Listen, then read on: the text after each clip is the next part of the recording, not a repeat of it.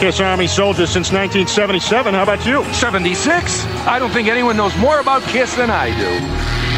No, actually, I'm a farmer. I'm not sure I like the tone of your voice. Well, throw down if that's what you want. Name Gene Simmons' special effects mentor. Amazo the Magician. What high school did Paul Stanley go to? New York High School of Music. Paul and Gene's band before Kiss. Wicked Lester. What year did Kiss appear on the Jim Neighbors Halloween special? Good question. It was Paul Lind and it was 1975. Now recite the magazine ad that brought Peter Chris to Paul and Gene's attention. Drummer willing to do anything to make it. Rolling Stone, October 1972. It's simple. Rock and roll.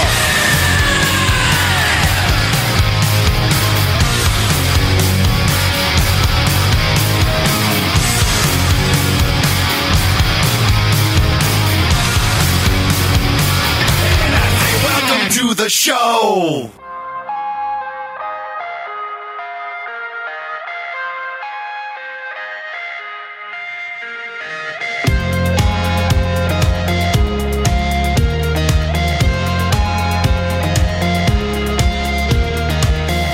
Midnight, it's time to put your face on. Game set, a killer shot can heals. I'm just the first shot on your hit list. High kicks, a predator on wheels.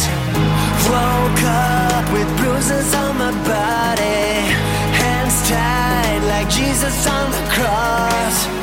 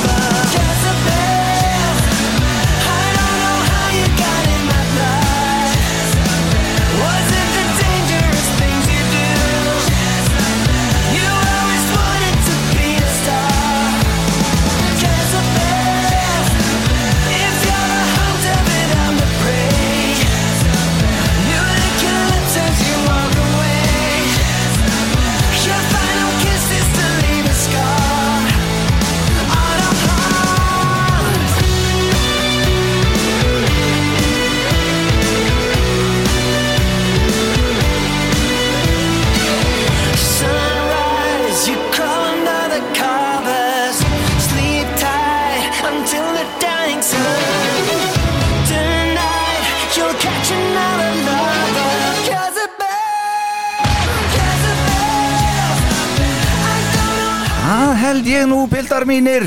Þetta er svakalegt.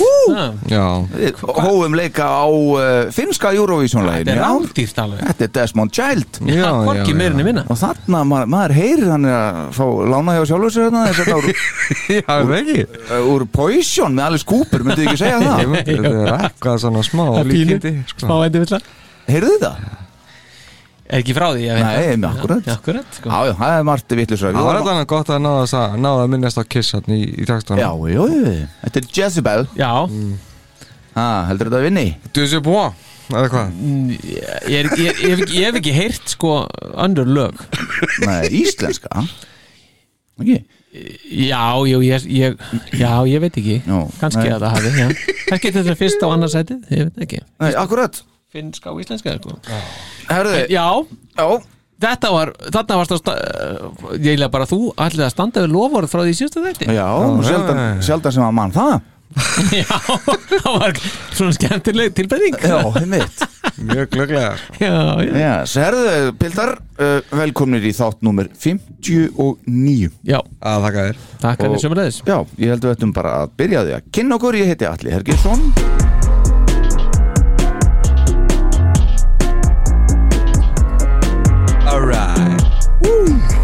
Þarna kom hann sterkur inn fórsættin Já. Djúvöld kom hann sterkur inn þarna. Vel gert hjá Já, þér það var vel gert, sko. Og svo, Herðu, Lindar Starbóður Hvað gerum við núna? það er nú það. Hvernig komum við þetta? Spennandi.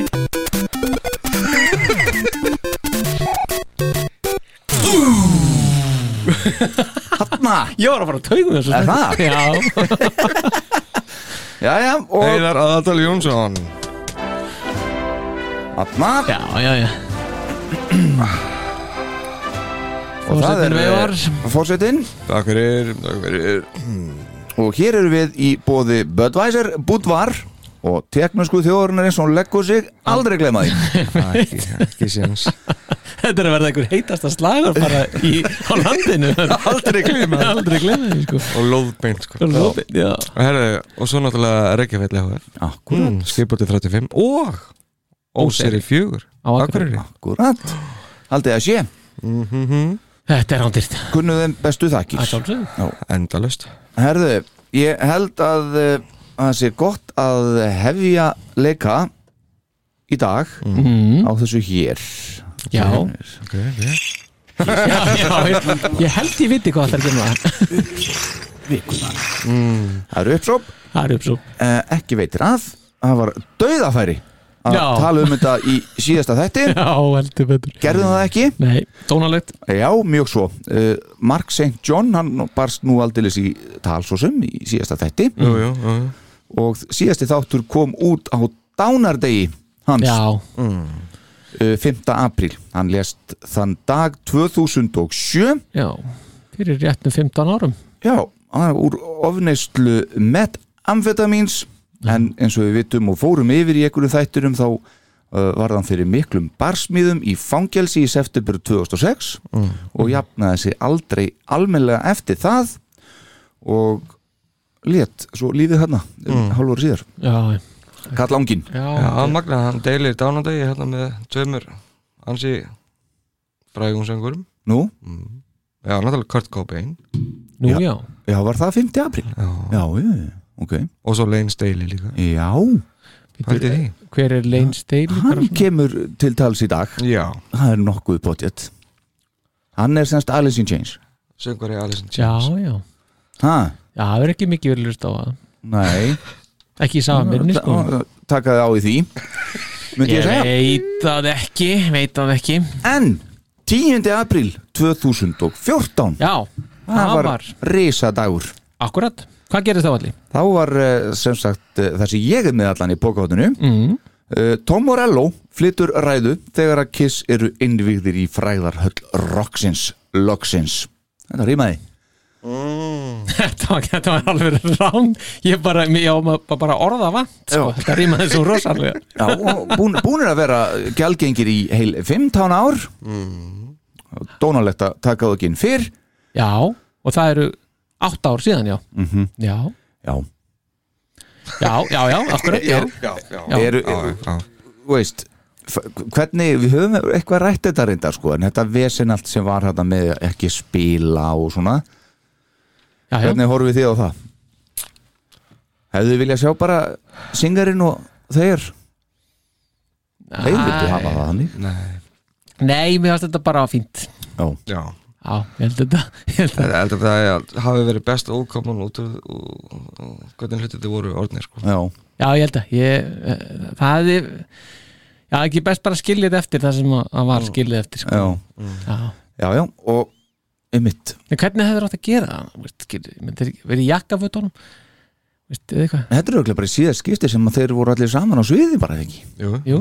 já, Já. og náðust nú ansi fína myndir Já. Já, ég, þetta er flott. Allir alveg gríðalega góði vinnir sko. já, Það er höguðu sér. Já, já, já, við gerum það. Það var Já. Þetta var líka flott ræða, fannst mér hjá honum.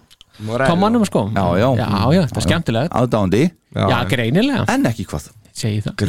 Og í nafni hann nikkaði svona kollinum þegar hann talaði um hann væri bara ringmaster og ég menn ekki hvað og hvað sko bara rock'n'roll history, cheerleader og allt hérna. Og nafni svona, já, ok, þetta er aldrei rétt og sætt, já, já, hann var sammála. hár rétt hjá þér Tom. Já, eins og hann hafi ekki verið búin að fara yfir þetta. Já, hún- er ritt sko þetta í, í, þaular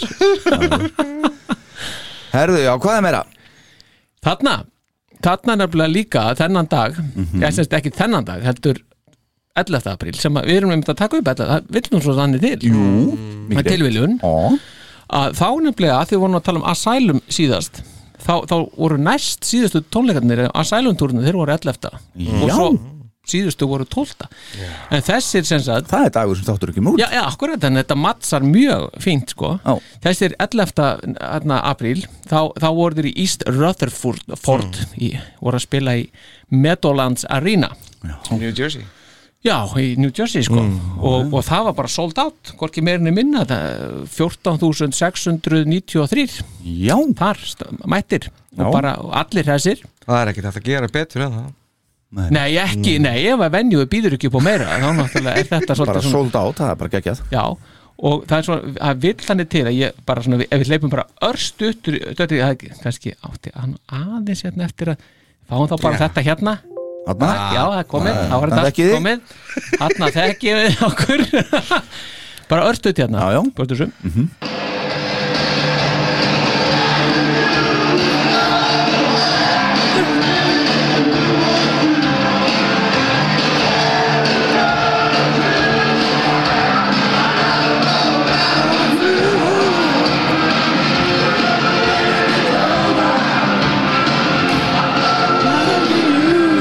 Þetta er 11. þarna. Já, þetta er 11. april 86 Já, Það er búið að taka tempóið aldrei upp eins og við heyrum. Já, já. Það er skrítið. Li- Live. Og það, En það er nefnilega á þessum túr þá er nefnilega svo lítið efni til. Það er rosalega lítið Ótrúlega lítið. Og, og hérna, Þetta er bara eitthvað bútleg Já, þetta er bara eitthvað bútleik og svo heyrir maður, ef maður lusta meira þá er bara einhver kona þarna að syngja inn í og svona. Já, Þetta er já. bara óskup heimilislegt sko. Já, já. er, er, er eitthvað vídeo?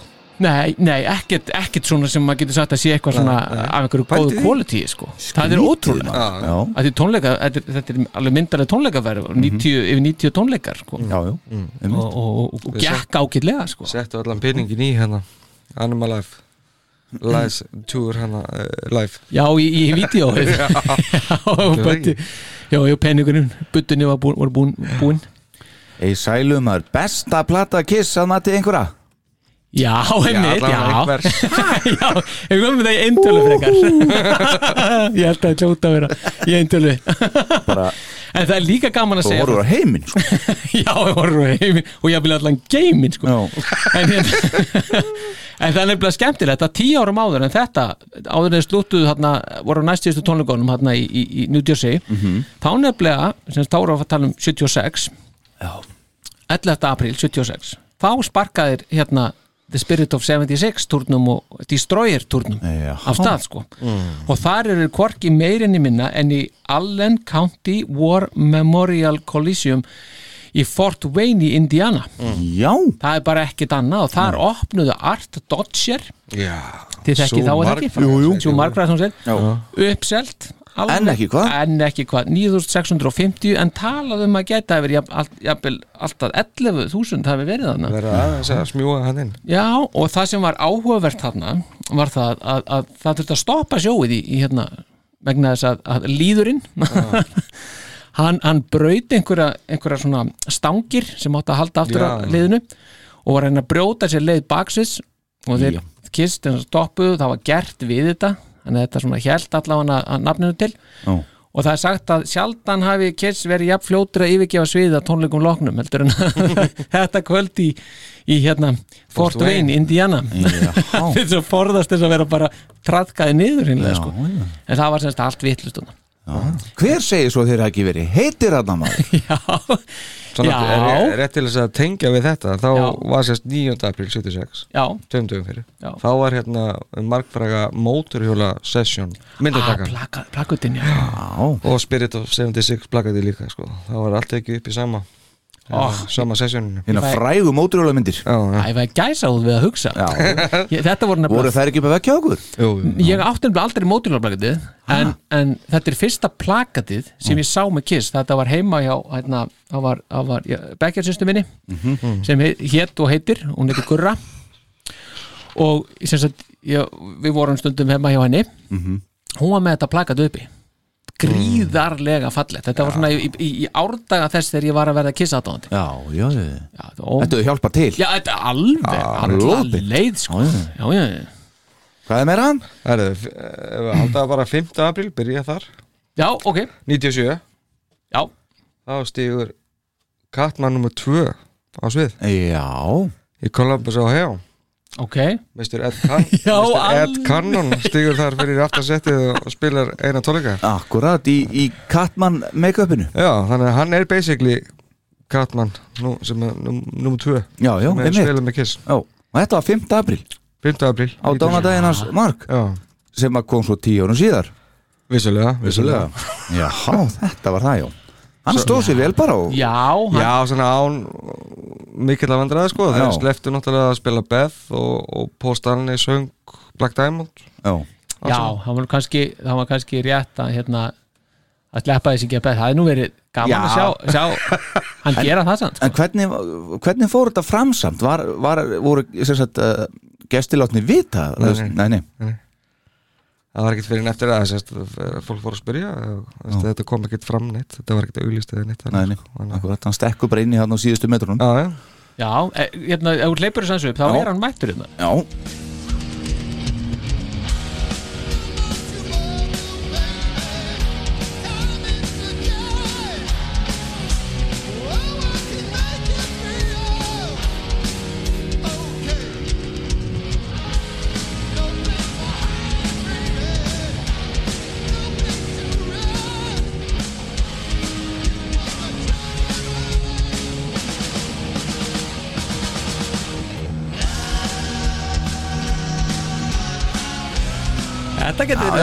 það gæti alveg að gaman samt að hafa þetta á rekordinu maður. Já, já, Síðinu er fyrir það sem veit ekki, það var þetta, trommutekkin hans einmitt. Það er 7. apríl, Já, já, fyrst við vorum að tala um hann var ekki sísta þetta, hann Wendy og Williams. Jú.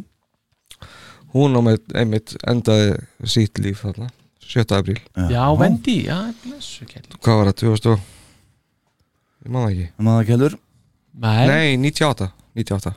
28, já Já. um, maður segja yfirleitt að third time's the charm sko. Eh, Jú, jú þetta var í þriðja skipti sem var reyndi þá, Tókst þarna já svo líka eh, 2016 7. apríl Já. þá tóku þá voru ansi gleðilega frétti þegar mann sá hérna Mr. Paul Stanley og Ace Frehley vera að spila saman Já, og taka upp vídeo já, af Fire and Water einmitt fyrir soloblötuna, eða fyrir hérna coversblötuna hans Ace það, Origins 1 það var alveg í fínu lægi það þetta var bara það fallegasta sem hefði séð Þetta- hellingi sko já, þetta er var að gegja sko föndi mér í lægi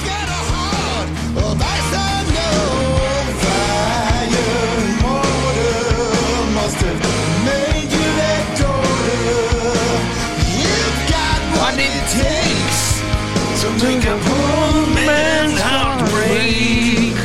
Poor man's heart hann, hann er, ég finnst þér geggjaður. Stútfull skrutan hjá fórsetunum í dag. Já, Öss, öss, Hæ, og hvað er meira? Það er 7. apríl, já, erum við ekki þar? ha, Ha, Eh, Jú, við erum Næst fyrir 7. apríl. Já, Það var náttúrulega William Eisen sem var fættist á þessum degi. Já. Pappa- Pappans. Heiti núna. Já 100 og 102 ára. Hann að vera 120 ára, já. Mhm. Þannig að hann hefði orðið þá 130 ára núna. Hanna, rétt. Takk fyrir. Það er svo líka Jan, Janil Chris fættist á þessum degi 81 Dóttir hans. Peters. Peters. Já. Mm. þetta er- það djúft hérna. það er það djúft í kistunni núna Þetta er betur maður. Já, já, Það- Og áfram meira Já, svona já, Já. farum við ykkur yfir bara í 8. apríl. Já, já, já Þetta er bara kalendarið svo leggur sér bara. Það er þá náttúrulega gáfu Kiss út Greatest Kiss. Já, já, já, einmitt. Það var geggjað sko. Já. Einmitt. hvað var aftur ég, hérna? ég, ég var svo heppin að eiga eintak frá frá 2014 þegar það var gefið út. Eitt af þúsund eintökum Mhm. já, býttu, segðu Hvað okkur hvað var aftur það? Þú varst með eitthvað það sést þeir gáfu út hérna The Kiss Ultimate Road Case, Cage sem var með hérna hvað var það, 34 endurútgáfum og svo voru 6 plötur af þeim voru sést plötur sem hefur aldrei komið út áður. Já, já, á vínil já, í Ameríku. Ok. Og þar meðal var mm, Greatest Kiss. Þessi, þessi kassi var gefin út í þúsund eintökum einmitt og fórsetunum einn og hérna 750 í bandaríkjunum og 150 í Európu og ég er einn af þessum 150 þannig að þessu, þessi plata fyrir 8. apríl síðastliðin Mhm. var að kosta svona 1000 dólara svo ákvað Kiss að ge- endur útgefa þessa plötu 8. apríl síðastliðin Bara núna? Já, og hérna þannig að það geta þá allir gett sér Greatest Kiss á vínil já, ok. Sko, Og, og verðmættið fór niður? það er örglega sko. Það, það er náttúrulega ekki það sem maður er að horfa í sko. Nei, nei, það er ekki sem að sé að fara að selja þetta sko. Nei. nei. En þetta, þetta smá stingur sko. Já, já, En þetta var nefnilega hérna þetta, þarna var- kom, kom hérna frá Tiger Stadium. Shout it out loud. Já, já, og ef að mér misminnir ekki. Já. þá sagði lauga nefnilega svaka bomba, Bomba. sko þessi hérna. Svaka bomba maður. Það er langt síðan laugáttin var. Já, hóðalegt þessi, þessi Þarna, síðasta þessi. já, geggjöð, geggjöð Já, já, já, já, það er svolítið langt í það sko. Ég spurði nú lauga eins út í karneval. Já, já. eða svona, já, eða svona, já hvað henni fyndist um um málið. Já. en, Talaði hann eitthvað að viti? nei, Nei, hún sérst Fílar hana já. Hvað hérna, er, er meira í skuttunni það? já, Nei. Já, áfram. Ég er svo spenntur að fara í málefnið. 8. apríl aftur 2014 Mhm. þá gefur nafniðin út Face the Music 2014 njá að það, já. Já, Alltaf þetta og náttúrulega Load- Loaded Deck með Ace Frehley er líka gefin út. Subdiskur með Ace Frehley. Geggjaður diskur, já, by the way. Já, já, En hérna, býtu, hva, hvaða dag var þessi? 2012 sem hann gáði bókina? 14 14 Nú, þetta var bara daginn fyrir. Það er ekki 9. apríl. 8. apríl. 8. apríl. Bara Tveim dögum fyrir mm Hall of Fame. -hmm. Já, um mitt hvað er meira? Spurningum að taka, sko, sjáu þið marketingstandið þarna? já, Já, alveg. þetta er ekkert alveg Hann kann þetta. Hann í kann þetta, sko. Hann fengi leiðbynningar hjá Jean Komist í hvernig á hann Já, 9. apríl 91 þá fór herra Erik Karri sína fyrstu hjartaskur aðgerð já. til þess að reyna að bjarga eða taka í burtu hérna Æxlið? æxli sem var með þeim. Já, Já, já. Það gekk svona, þannig. Já ha, Já, og hvað er meira? uh, Nú er hann komin að blæsa 2 11. af 11 apríl 11. apríl sko 2014 þá var náttúrulega uh, faraðir í tvo þætti á saman degi í NBC mm. Today Show og The Tonight Show Mm og svo náttúrulega 72 11. apríl þá setur Peter notur, nokkur Chris Cola út auðlýsingu í Rolling Stone og auðlýsa þeirra eftir bandi til þess að spila í. Já, Já, takka Ah, þér hérna fyrir sko. Þetta er nú að verða einhver mest frétta þáttur efer já heldur betur. Og hvað gerir síðan? A drummer looking for a band. Já. svo bara símanúmer það er ekkert annað. Það var ekkit annað. Og Það var ekki uh, willing to do anything to make it. Það var ekki þessi. Nei, það var Jú, það getur verið, þetta er náttúrulega bara svona, Voru það ekki skilir sem að voru sett á hann? Nei, var, það, var ekki hann, setti hann það ekki og svo var hann spurður, ertu til í að vera veist, já, þetta, þetta var bara svona hvað heitir þetta ofan svona uh, headerinn svona Já, já, já, já. já, eða hvað heitir Heyrðu, en Hvað gerist 2007? það var náttúrulega byrjaði Mr. Paul Stanley Live to Win túrin í Ástralíu Já, við skulum ekki tala um hann. Anskotin er alltaf stingi í hjarta þegar ég hugsa um þetta helviti Já, það var kljóðalegt Já, þetta var ofbóðslega ah, Já, sko. Öss. Jæja, já, já, herri, já, já og hvað svo? ég held að það sé bara komið gott í bíli sko. Já, já, maður. Heldur það? Þetta er búið að vera nokkuð, nokkuð gott Já, sko. þetta er búið að vera, já, já Eigum við þá að fara í málefnið? Ég er svo ógeðslega spenntur. Í alvörni Ég er það. Já Hvað Já, segir fórsetin? Já, já, já, alveg til í þetta? Til í þetta maður. Ég, er, ég er til í það líka? Bang, bang, bang. Verður slegist í dag? Já, ég sé verið ég, ég, já. Ég lit allavega að endur nýjaði alla tryggingar hjá mér í dag. Já, já, já. Slísatryggingu Já, allar slýsa Já. tryggingar Flott. Þá skulum við byrja Já, þetta fyrir Förum í bakgrunn. Kiss Army Iceland podcast kynir Bakgrunnur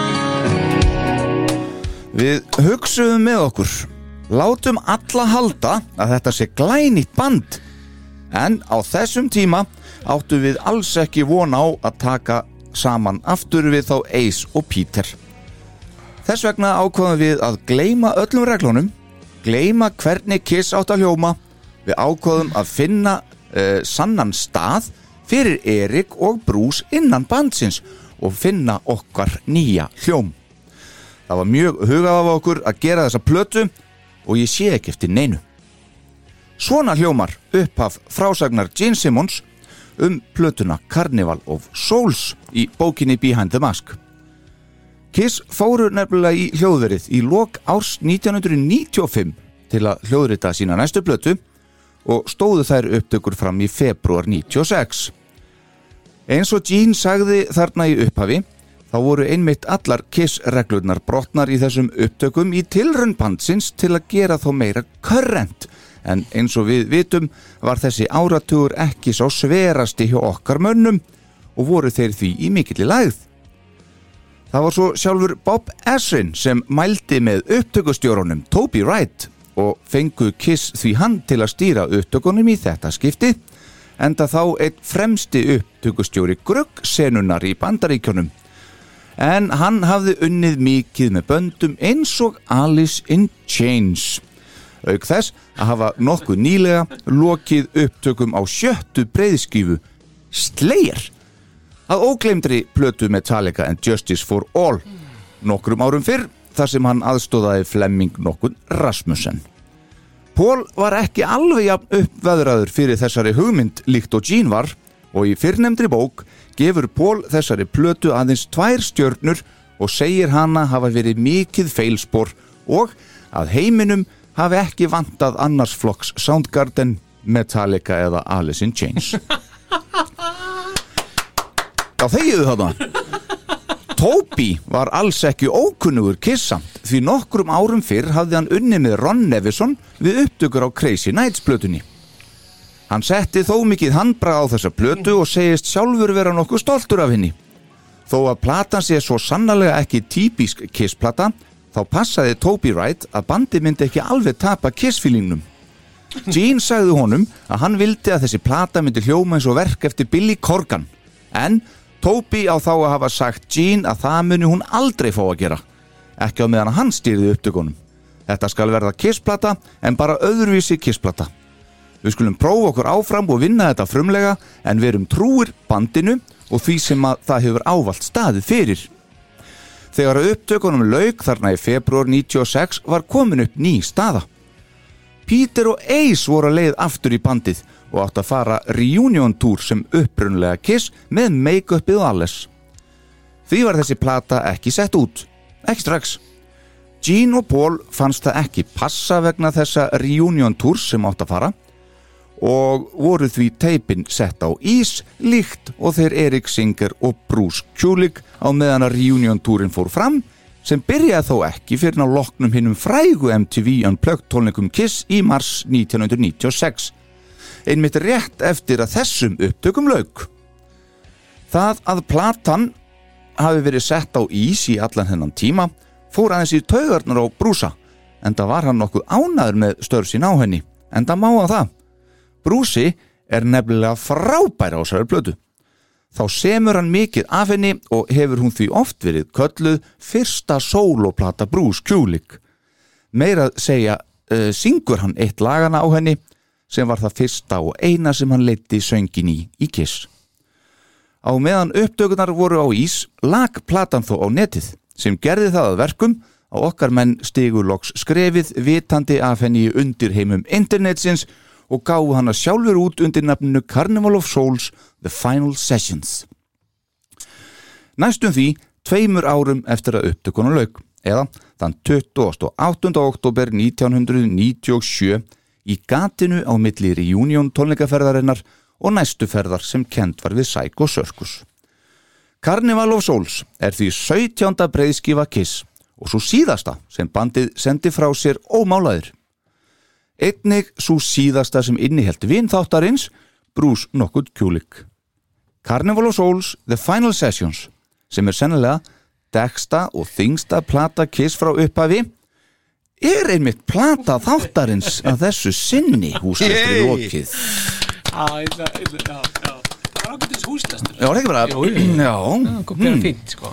Já, Jæja, Pill, það er komið að þessu. bara þetta í framhaldi af þessu náttúrulega var 16. apríl. Það náttúrulega var fundurinn fregi Já, einmitt. á hérna fréttamanna fundurinn Flugmóðskipinu Já, einmitt. USS Intrepid Já, ég manu við fórum yfir það fyrir ári. Já, Já, já, einmitt, spáðið það. Já, það var flott hjá okkur. Já, en aldrei leys Hva, Í hvað þetta var það? Það er Ég, þetta er sjö eða eitthvað svona eitthvað svo leiðis Já, já. Herðu, það er komið að þessu. Carnival of Souls. Já, Pilda mínir Hvernig var að rifja þetta upp? æðisett, ég hlusta reglulega á þessa blötu þannig að þetta var ekki nýtt fyrir mér. Nei, nei. Star Power? sko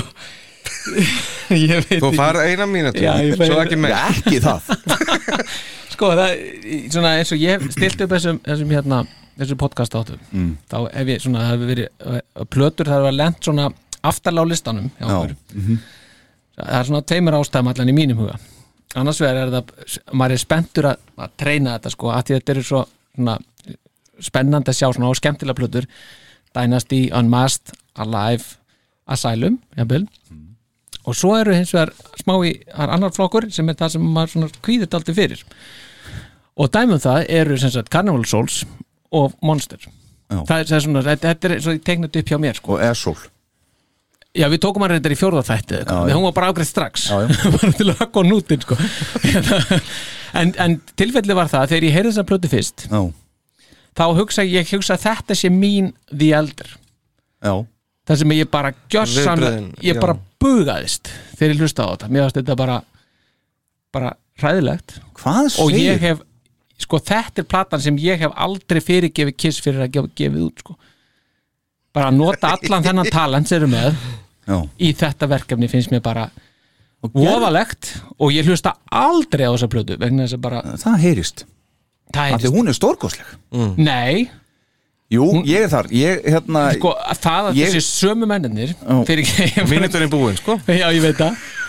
Að þessi sömu mennir að, að hluta af vísu, 50% Mm. en það eru almennindir sem eru á Alive og Alive 2 það finnst mér bara ólíkindum sko. já, já, en það er bara en, en, en ég ætla samt ekki að taka þessari plötu hún heitir Vönduplata og það er lagt í vantar ekki- sándar.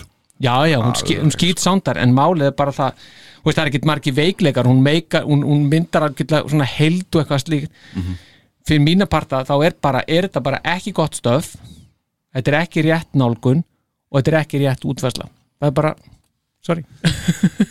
Ég, Sko, ég hlusta alveg á hana líka eins og þú, fórseti uh, En ég er náttúrulega hlustaði, búin að hlusta gríðarlega mikið á núna beð síkastið í undirbúningi fyrir þennan þáttir, hún búin að vera í gangi í bílnum og svona. Uh, Mér finnst hún frábær og mér finnst hún í rauninni bara betri heldur með myndi bara. Mér, mér finnst- hún bara alveg æðislega þessi plata. Já, já, ég er alveg þar líka, sko. Já, Alltaf finnst það þetta, já, einmitt þetta er, þetta, mér finnst það nefnilega ganga upp sko, það er málið. Í hvaða samingi gengur það upp? Lögin eru góð, útfæslun á þeim er góð. Við erum alveg bara saman og, en veist, það var svo sem ekkert erfitt að það, sko, það var ekkert erfitt að sitja í stegagjöfinni hjá mér. Tvö neðstu sætin, þau svona raðast nokkuð, þrjú neðstu kannski. Mm. svo fór þetta bara að vera erfitt strax. Ah. Ég þar. Vá, hvað þetta er. Mér fannst erfiðast að ákveða fjögur lélugustu lögin já, Já, eðlilega. Já. Eða hefðu bara öll geta verið þar. Nei, ég ætla ekki, ég ætla ekki að segja það, það, eru, það eru snildar punktar þarna. En mér finnst bara þarna kiss bara að vera orðið eitthvað allt annað eins og þú náttúrulega komst að, að inn í útleisturum mm. þannig er þetta orðið svona þunglamalegt veist, og það er svona heit, reyn og eitthvað svona, þetta er, þetta er, núna er þetta ömurð og eimirja sko, sem er þarna og munur sem ég finnst þarna vera að því að, að Kiss hefur alveg verið líka í ömurð og eimirju til mér í Creatures of the Night og svona, það sem maður er að taka þetta og reyna að færa þetta upp á eitthvað annar level. En þar er Creatures of the Night Kiss er, er, þeir eru hungraði að sanna sig. Að, að sinna sig aftur, komast aftur á toppin þessi Carnival of Souls Kiss Þa, það var einmitt pælingi líka sko. Já, ég veit það, en mér finnst það að vera þarna finnst mér að vera gæjar sem eru bara ok, við, við, erum búin að missa, við erum búin að, þeir eru búin að missa trúna á Kiss konsepti og þá kemur eitthvað svona þeir eru bara einhverju tilvistakreppu og nú ætlum ég að láta þetta demba og ég er búin að vera, ég er með smá móralegi verið sko, þó ég sé ekki búin að segja það. En það er svona minni spámenn þarna, eru, þeim er left að stígu vegna þess að þeir þarna tveir topparnir, þeir eru bara æ, fuck it, veist, veit- við vitum ekkert hvað maður gera, leiðum bara brúsa að koma upp hérna. Og þess vegna er hann bara meistarinn á plötunni. Um, hann á að gera eitthvað sniðut, hann á að blása einhverju þarna í. Þetta er bara er bara mistekst alveg hrapalega. Og mér finnst Kiss nefnilega að því Gene var að segja veri, þetta verið svo trúverðugt. Nei, þetta er nefnilega svo ótrúlega ótrúverðugt. Allan, sko alla leið sko, Ég er ósámála já, gott. Ég er bara, þú veist, að vera hárrétt skref út af því að þeir tóku þetta skref. Og hárrétt skref að fá Tóbi hérna með. Ég held að bara sé algjört mann sem hefði hann sko. Og ég, hann skila bara mjög góðu starfið þarna og, og það, það voru tól lög sem náða plötuna fullt af öðru lögum sem að hérna eru þarna einhver starf til. Closed Doors, Welcome No One. Bleaster, Save Myself. Svo Carnival of Souls sem endaði svo Já, það var svo sem ágætt að hún að það komst ekki passar ekki við, einmitt, ég sammála. Sleep Until You Die og fleiri. Ok. platan átti víst að heita fyrst annarkvort Head eða Seduction of the Innocent. Og hérna þessi plata, hún náði svona besta árangur kannski bara á Norðurlöndunum. Já, Counterfeit sem, Counterfeit platan sem kom út sko. Mm. það var myndaplata.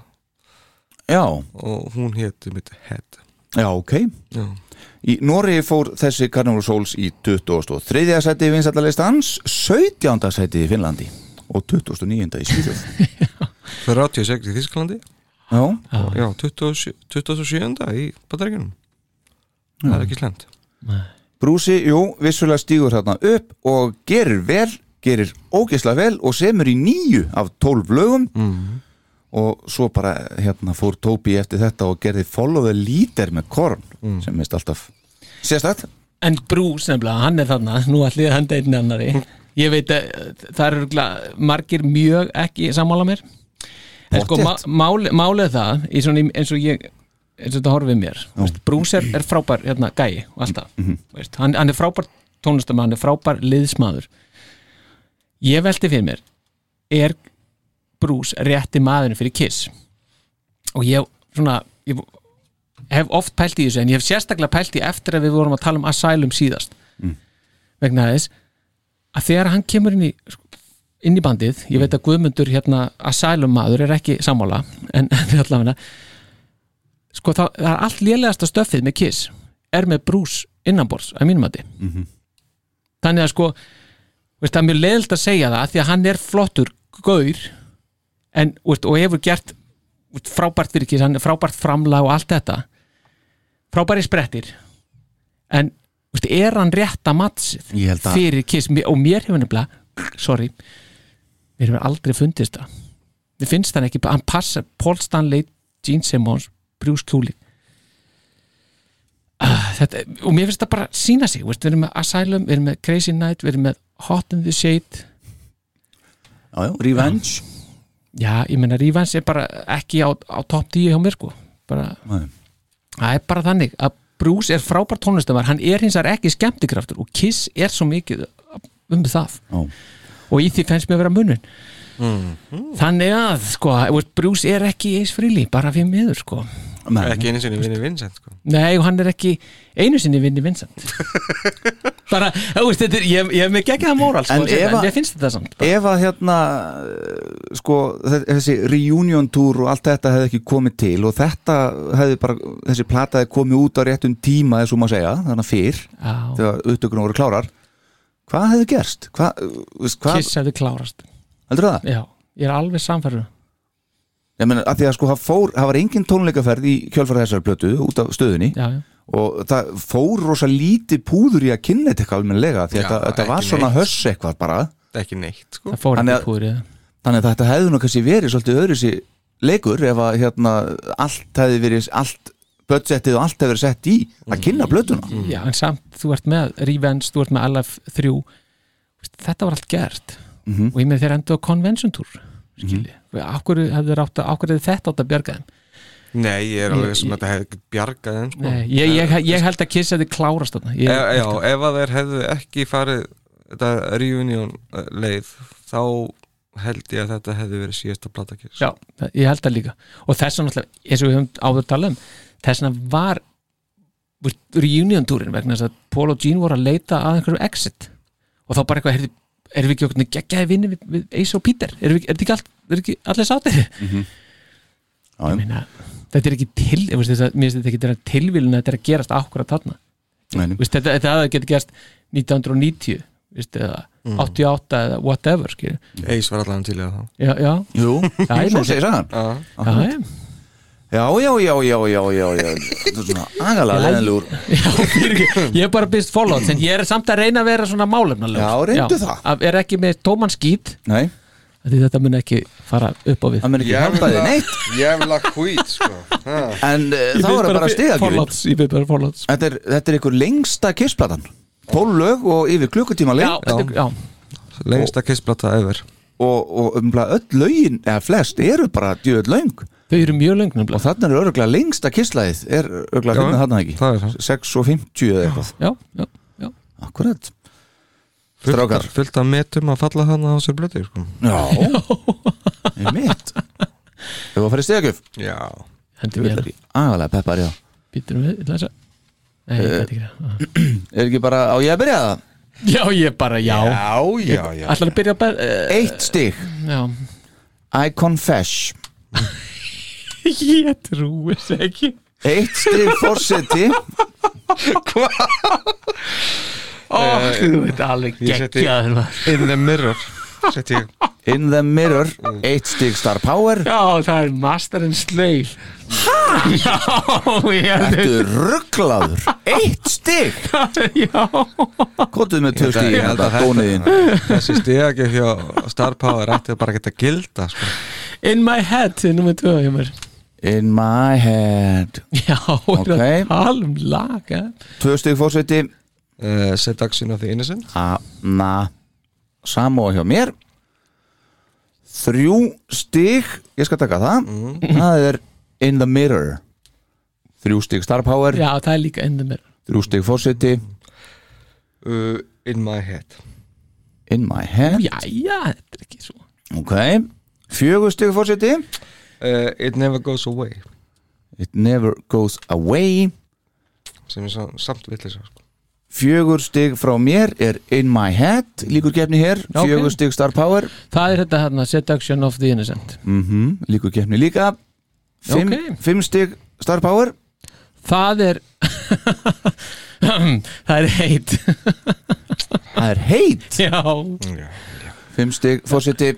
Uh, I walk alone. I walk alone.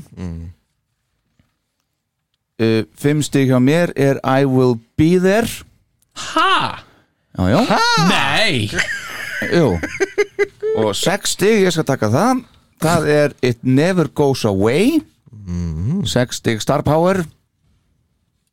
Childhood End. Childhood End. Já, hérna hér. Sex stig forseti. Uh, I confess. I confess. Mhm. Og sjö stig forseti.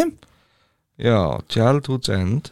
Það er Childhood's End mm. Sjö stig star power. Jungle.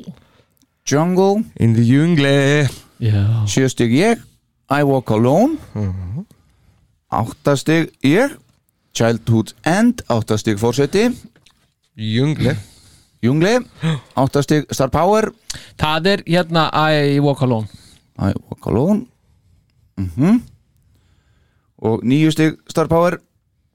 Það er uh, It Never Goes Away Líku keppni hér. Níu stig fórseti uh, Rain.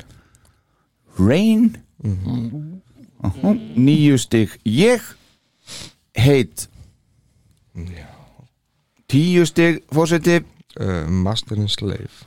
Master and Slave. Ég held að við sett þetta vittlust hérna Mm. Fimmuna mína. Og það verið heit ekki reyn Já, Já, lagi. Fimm hérna og út með þess að fimm hér. Já, já, já, já Hvert eru komin? Tíu? Já, tíu stig ég er Jungle Líku kefni, tíu stig Star Power. Það er reyn Það er reyn Já, Ok Það voru bara 11 stig Star Power. Já það er I, com I Confess. Ha? Já, Merkilegt. Já þú, þú skilur þetta ekkert. 11 stig hjá mér er Master and Slave 11 stig Forseti. Hate. Hate. Yes. Og það voru bara 12 stígin og það er þá frá mér. Rain Já, og I will be there frá ykkur tveimur. Já, Já. Eru það? er Já, já, ég vissi að fórsetin væri þarna. Besta lag plötunar að mati þáttarins er Rain Nei, það er ránt og því næst kemur I will be there sem er ránt og svo Hate Sem er ránt líka. Og þrjú neðstu lögin eru In the Mirror Seduction of the Innocent og In My Head. Já. Þetta er eiginlega mjög rétt eða bara. Já, eiginlega Nefna, I confess er verra. Herðu, all right. Sem var ekki fullt úr svo þér, nei, 11 Já, ellu, já. Ah, ok, þá hvar byrjum við þá? þá byrjum við In the Mirror. Já. Ha. Indiar Mirror, já. Það stendur ekki tvita lag á mér sko. Þú veist ekki? Nei, nei, nei. Þetta er Paul Stanley, þetta er Bruce Kulick, þetta er Curtis Cuomo. Já, já, sá ágæti maður. Stanley syngur uh, Bruce Kulick spilar bassan og Bruce kallar þetta í mitt uh, Jimi Hendrix lagið mm, út af þessu riffi sem alveg, meikar alveg sens en ég skrifa voða lítið við þetta. Þetta gefur mér afskaplega lítið þetta lag sko. Nei, þetta er skrítið sko því að þetta virðist vera samt þetta er eitt af hressari lögum plötunar já, samt skilur það voða lítið eftir sig sko. Já, bara, ég maður bara ekkert ég get ekki unni með til lífs að Uh, beina einustu línu úr þessu, sko. Mér veist erindin besti parturinn í læginu já en, en finnst þér þau góð? Já, mér veist þú góð, já. Já, Mhm. Akkurat. En restin ekki. Nei. Eila þetta er 4.26 og að heyra tóndæmið þess af þessu. Já, gerum það. Já, heyrum þetta Já, Tell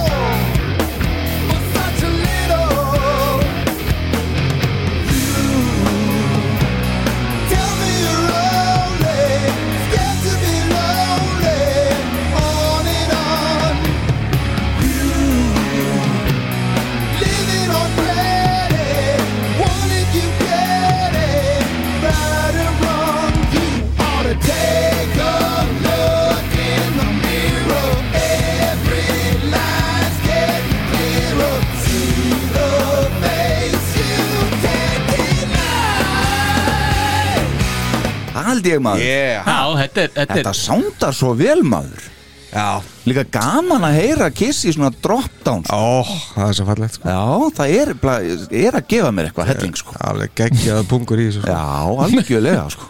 Samt er þetta líðalegsta lagi sko Eh, mitt Þannig að Næst- það, það er bara næstlélegasta. uppálið sko. Nú, já, já, einmitt þetta, Já, með stopp í I Confess en Nei, þú þetta- varst bara í fílu þegar þú varum að hlusta á þetta? Nei, alls bara krosslaðir hendur bara og get, bara. ég get ekki annað reynda að verja með einhvern veginn. Þetta er svo léðlegt, þetta er svo leiðilegt vers. Sko, og, þetta sándar vel og allt en þetta er bara svo leiðileg lög. Þetta er svo leiðilegt lag, þetta er leiðileg byrjun, leiðilegt vers leiðilegt viðlag, svo kemur trommukabli mm, mm, veist, og, og heildarengun er, eru tveir af tíu. já, þegiðu nú? Herðu, á ekki bara að fara ekki fer bara núna. Ellulega eftir. Ekkert mál. Nei, nei, þetta er dásanlega allt saman. Ok, uh, næst en, en já, mér fannst hann gera kom og hann gerði betur þegar hann samti Psycho Circus. Já, þið veist það Já, já, það er allt annað. Já, já. Næst er uh, Seduction of the Innocent. Já, stórkostlega ah, Þetta er uh, Gene Simmons og Scott Van Zen Gott Van Zen, ég Já, ég, mér finnst að þessi Scott Vansen ætti ekki, ætti ekki að hleypa honum inn í búrið með kiss sko. Alveg hreinlega sko. Já, þið finnst það Já, mér, já, mér finnst þetta ekki góðlega sem að Hann og Simmons eru eitthvað voðalega mikið, mikið vinnir hérna. Já, Já, hann var í, Asa- bandi sem að uh, Gene var með og Simmons Records eitthvað og, og samti hérna náttúrulega Carnival Souls líka með honum sem var á Asshole. Já, já, og já, við töluðum aðeins um Scott Van Zen í þeim þætti. Já, já var, hann ekki, var hann ekki líka á, á Revenge hérna, en ekki með lögin. Já, er ekki eitthvað sp- annarkvort spitt Jó, gott ef ekki. Spitt eða hérna Já, ekki Domino, nei. Nei, ekki Domino En sjáu það hérna. Sjáu þið Er þetta hann? Þetta er hann, sjáu þið, hann getur alveg spila á gítar líka sko, sjáu þið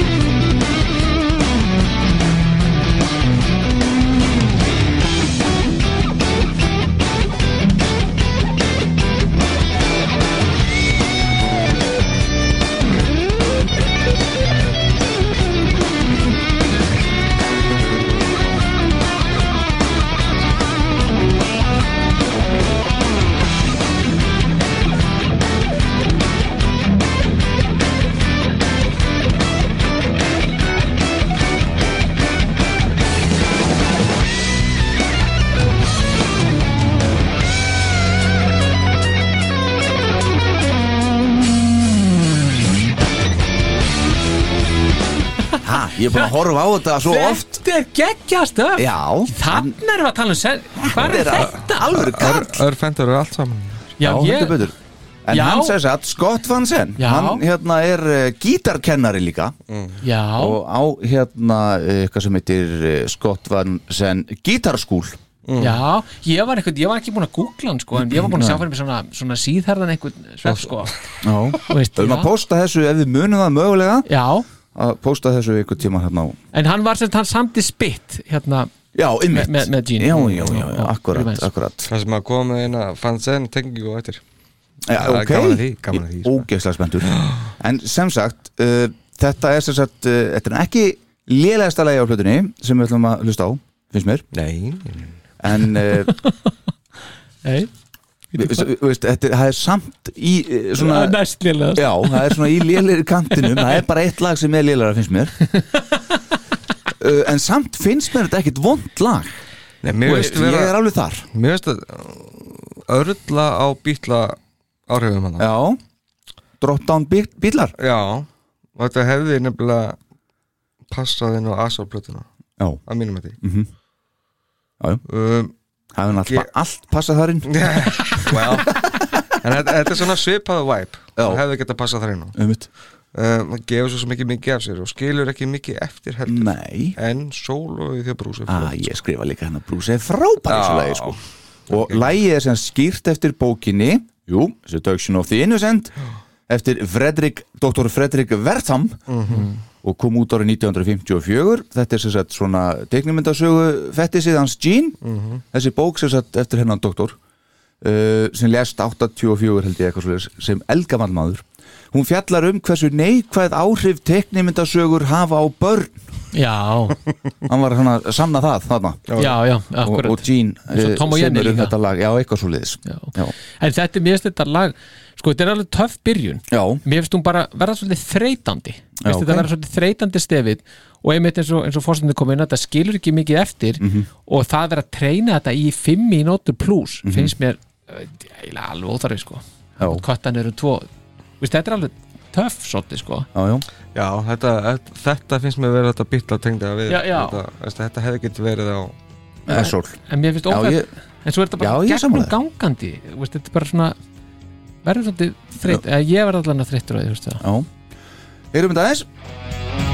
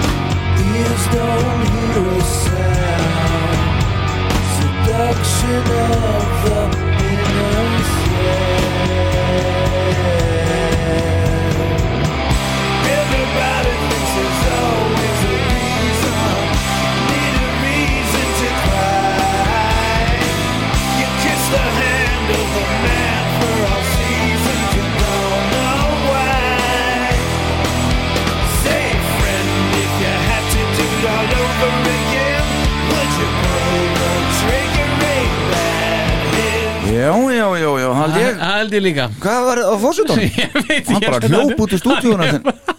Hann er bara flúinn. Já, hann er bara hættur þessu. Já, hann hefur sagt upp stöðunni sinni. Já. Við erum bara tveir hérna Það- Ég er með rann. Var þið brátt í brók? Við fengum feedback í fyrsta skipti. Ég veist þessu rock og roll maður. Þetta er ekkert nema rockar Jöfnvillir sér Hæ? Já, já, Já, já, Eitthvað já, að frétta? Ég, ég skemmti mér alveg gríðar að hlusta á þetta lag sko. Já, Já, já, já. þetta er geggjör já, þetta er ekki lag. Mér finnst þetta lag eh, einmitt, eh, sko, al, það alveg geta verið bara tíu lög á þessar blötu og sleppa Já. þessu og sleppa I Confess. Ég, ég myndi Það segja hafði Gene bara haft fjögur sko. Það hefði aldrei gengið. Já, já, nei, nei, svo er það Nei, en okkur ekki bara kötta þetta niður í þrjármyndur Já, já, svo það Þú veist, Já, já, Þetta já. er kannski svolítið lang Já, það er það sem ég finnst. Mér finnst Já. þetta allt er lagi þangað til sko þú veist, Einmitt. Já, Eftir, Já, þrjú plús. það er pínu lengi en það sko. Já, Æ, já, þetta er svona þetta solo Það hefði, hefði albúma getað tekið dæmi. mínútu á þessu allavega. Alveg leikandi, ég, ég vil minna alveg tvær sko. Já, þú hefur getið bara tekið alla plötuna Bara ekkert, gefa hana bara plötur út bara Minka þetta aðeins niður, Taka 60 mínútur af þessari plötu, það er fínt. Ég hafa hana bara 16 sekundur Herðu, ok, Já, já. þá er það næsta uh, tíundasæti Já, og það er In My Head. Já, Fjögur stig frá mér, þrjú stig frá fósitónum, tvö stig frá Star Power. Já, gaf ég því tvö stig. Þú gerði það? Já, það er allir bara, já, það er eitt sem er verra, já, alveg rétt maður var- Bíddu, Ah, In My Head. Já, hérna, já. Eftir Simmons, Fansen og Jamie St.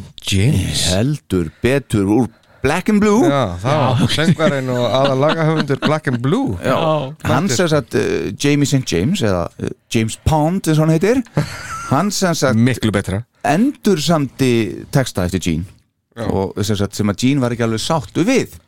Og hann sem sagt var fengin í það að hérna var hérna auðvitað, í, í bandi með Tommy Thayer Já, sem að héti mitt Nest of Termites Það var textinn sem átti að vera Já, ok, við mitt og eftir að hann var búin að uh, kukla í þessu, heitir þetta In My Head mm.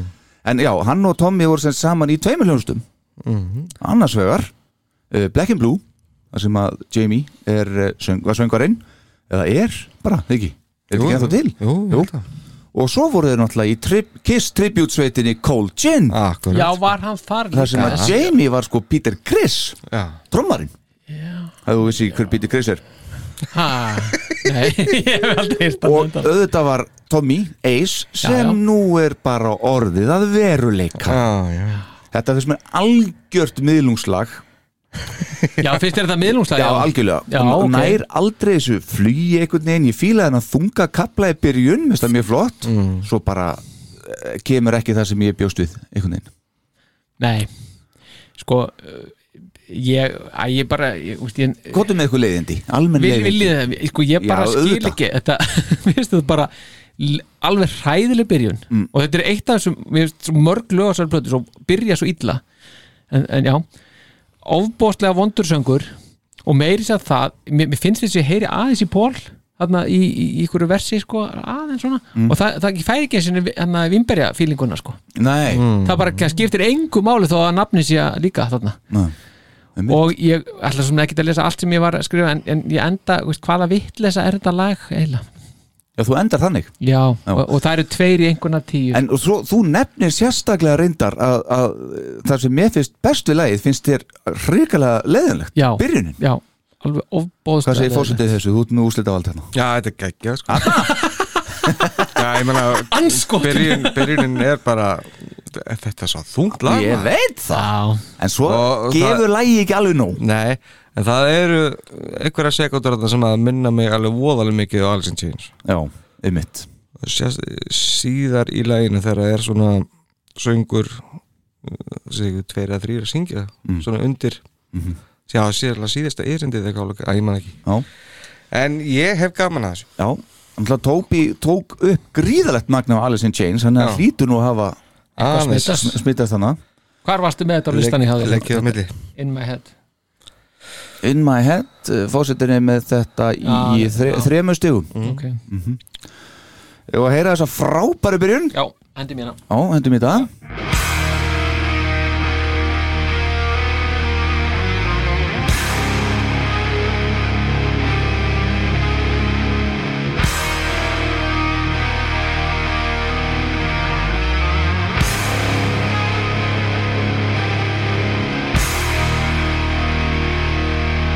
og svo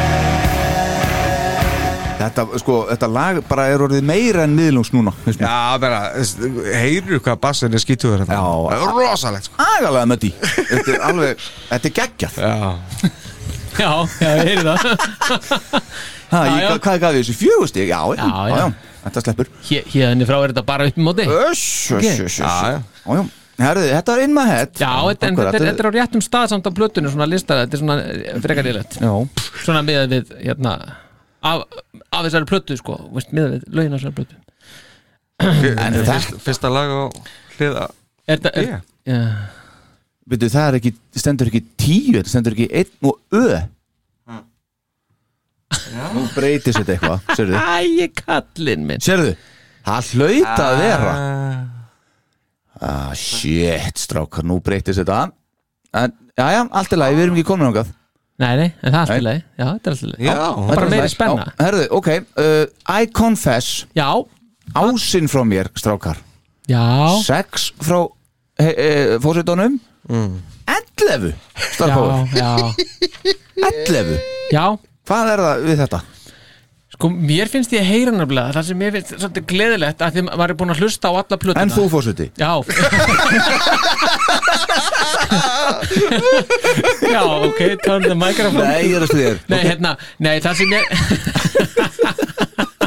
Sko, það svífir það eftir þetta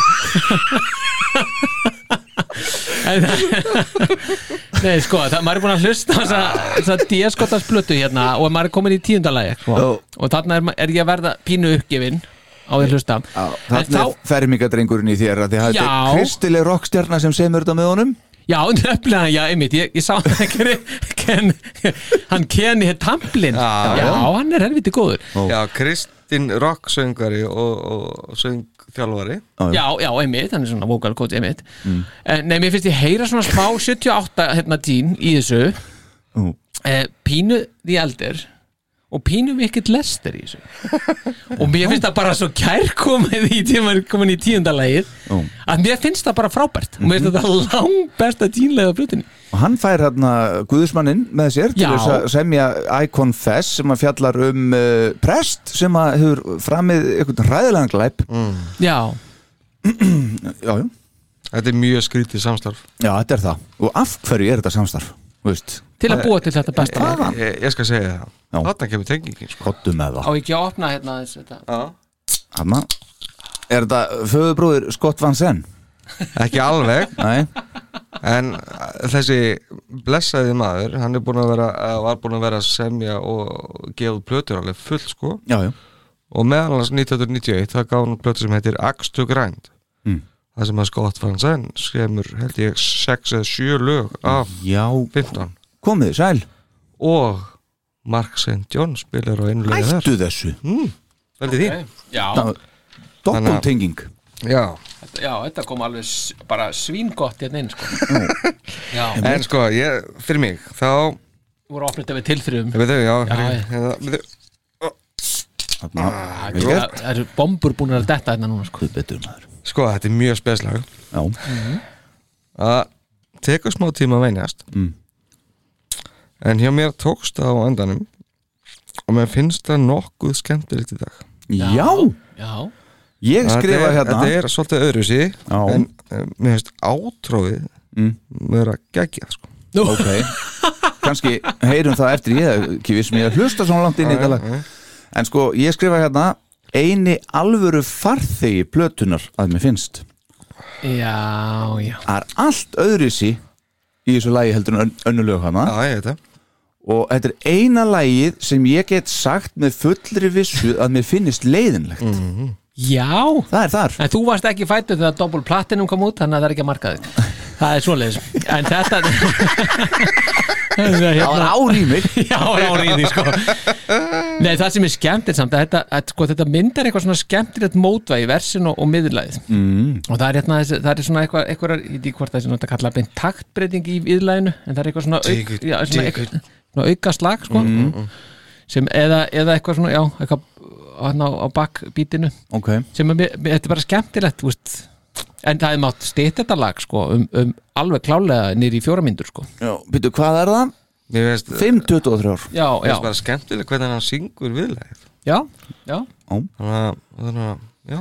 Ég held þú ættir að hlusta á þetta allir og ég held þú verður hann aðdándi þegar þú er búin að hlusta núna. Já, við skulum sjá, heyrum þetta aðeins. Hlustum á þetta. Hann semur einmitt mikið af bíómynda og sjónvastáta tónlist Já, já, já Ken Tamplin En hlusta á Gene Simmons 78, The Elder og Wicked Lester. Just can't believe what do I see. There's no waking from this nightmare, and you're lost in your reality. So you tell me all your secrets, and you tell me something in your eyes I can see, and my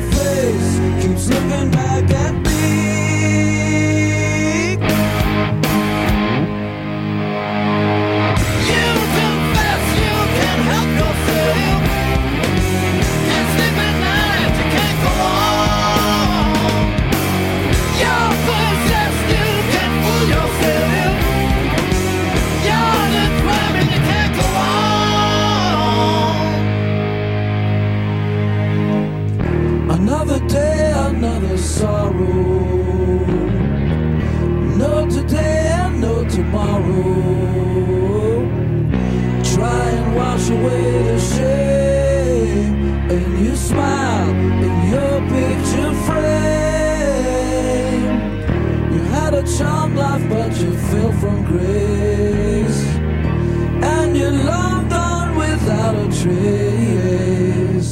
You're all alone and wonder why, and you laugh.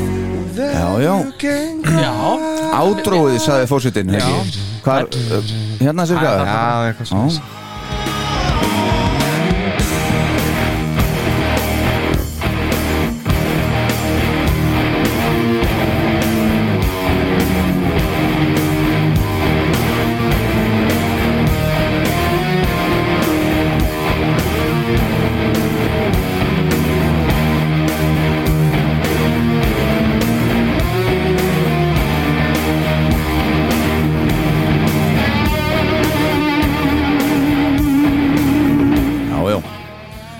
þetta ekki svona, Jú, þetta er alveg strax orðið betra heldur en það væri bara í dag. Er það ekki? en er ekki svolítið einkennandi fyrir þessa plötu, þessi, svona, þessi, það er nú nokkur lög sem er enda svona á löngum gítar, eitthvað, er það Já, ekki brús, brús fingraförinn svolítið? Jú, akkurat. Já, Það er svolítið mikið um það í mitt. Já, Svona setna sólóðu þetta inn akkurat sko. Einmitt, þetta var I Confess Já, eftir, eftir tamplin.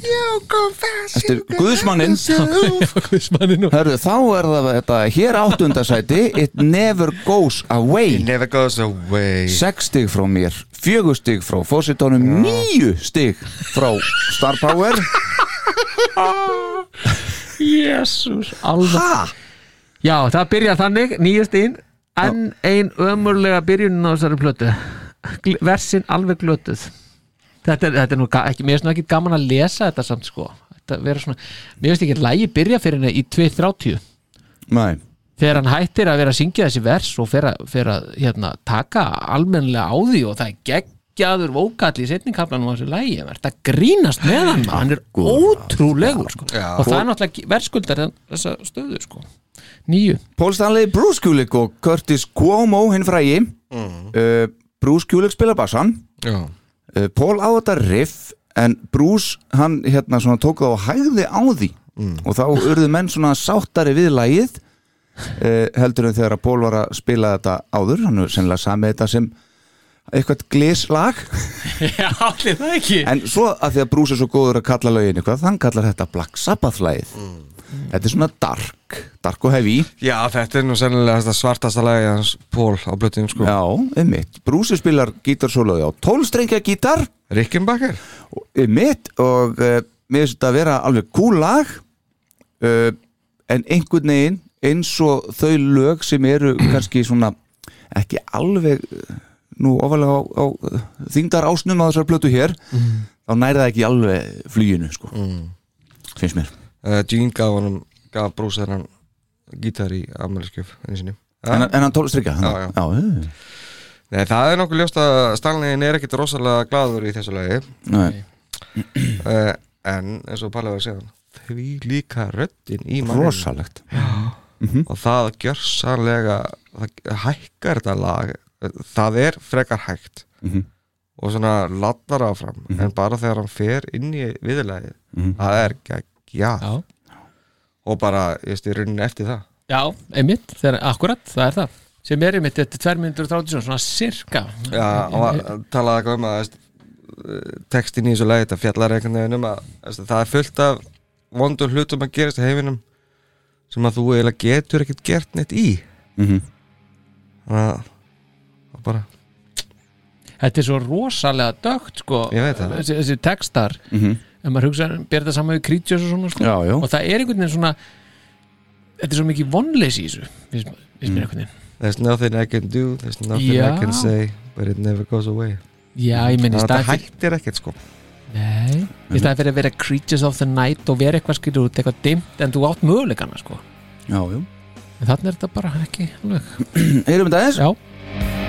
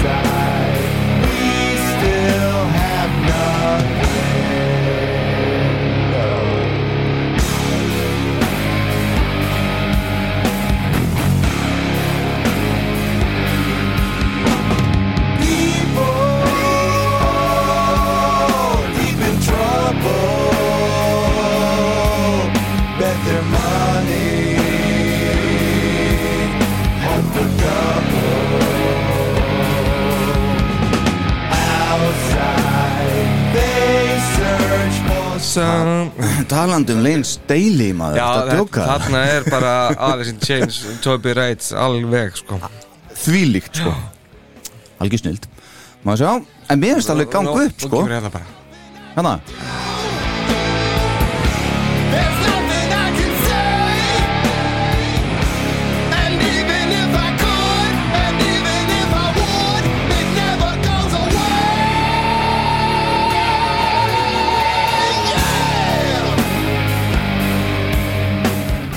Hann er svalur sko.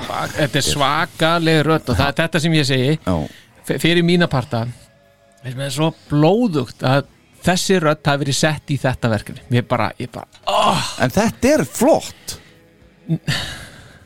Þetta er bara steinleikur ég, ég, ég sko, einhver, einhver, einhverja nokkrar en þetta er náttúrulega, þetta er náttúrulega bara spurning um tónlistarsmekk sko, Já, já. að bara veist, f- þetta, af því að sko, kiss bara, ef við sett bara meira kiss í þetta, Mm. með þessa rödd Mhm. jeez, Já, því hann náttúrulega, eins og við margóft rætt hann náttúrulega er bara hvergi betri heldur en hann innan 90 sko Já, þetta er rosalegt sko og ég meina bara á setni partin í með þessu lægi, þetta er bara, hann er- þetta er klikkað sko og það Já, ég meina þetta, þetta er það sem að gera það verkum að þetta lag fær fimm í engun að því, No. því hitt er bara svo geggjað ekki mér sko. En þetta er, já, já Geð ok. ekki þú sko. Nei, Herðu, ok, uh, sjáu hvernig þetta er að raðast upp samt? Þetta er svona bara síðustu lögin einhvern veginn sem að sígur á ógjáfi liðina Við erum konið í sjöunda sæti og það er loka lag plötunar I Walk Alone sem að allir eiga að gera. Uh, Það er uh, sjö stig frá mér. Var þetta eitthvað vísin í eitthvað annað? Annað podcast? Uh, Já Fimm stig frá fósitónum og átta stig frá Star Power. Fyrst á Já. eina lagið sem að Brúsi syngur. Já. Samið á honum og Geni og Brús spilar bassan. Er þetta ekki bara helviti vel sungið og Brúsa? Nei. Nei. Sko, mér veist að það verið ágætt lag sko. Já. En Brúsi er bara ekki nógu sterkur söngvari til þess að ná að skila þessu. Mm. Já. Þið miður sko. Þið Tommy betri söngvari? Shit. Nei, nei þú ert bara með þetta hérna fyrir fram þið, þið eru bara að tala sem ég var þessar línur en ég er alveg sammála fórsetanum, Já, já. mér finnst hann pú- púlla versin að því að þau eru einhvern veginn þannig Já. en þegar viðlega kemur Þa, þegar Það fyrsta er bara koma- sama Það er Já, bara já, ekki, hann hækkar ekki neitt Það, Nei, er bara, nei. þú veist, það gerist ekki neitt Ég finnst eitthvað pínu kúlu þetta nefnilega Ja, en man, man, man, man finnst eins og í, ver- í viðleginu þá ætti hann aðeins að gefa í Mm. sko. Og lægið kæfir hann sko. Já, finnst mér. Sko, besti parturinn í læginu eða það er einmitt þegar ég ætla að tala um áðan það er hérna uh, síðasta læginu, síðasta erindið í læginu það eru Paul og Gene að syngja já þegar þeir koma inn Það en er ekki, ekki brús Nei, það er flott sko. Mm. eh, það er sennilega á fjórar 23 það geti verið, já. Er það ekki? Já, Ég er einmitt ritaða hjá mig líka. Já, já, já. Það er svo talandi um vimberið maður. Þarna kemur það. Það hefði ekki, við, all lægið hefði getið verið svona. Það hefði ekki Þetta, þetta, það hefði nú verið þetta flott ef að, ef að Paul og Gene hefði skipst á sko. Og svo tekið síðasta erindið saman sko. Já, það, það, mér finnst þetta lagið mitt hafa bara býstna mikið potential Já, ég veit það, Veist, en það er málið, en sko. það bara nær ekki. Nei, það næri ekki að því að söngverðin er ekki nógu kraftmikil sko. Nei. Það gefur þessu samt að smá svona einhver feeling. Maður heyri svo sem alveg þetta er fyrsta sem hann syngur. En, þú veist já, en mér finnst það alveg slepp í versum sko. Heyrum þetta aðeins. Place, but it's not plain to see where I belong,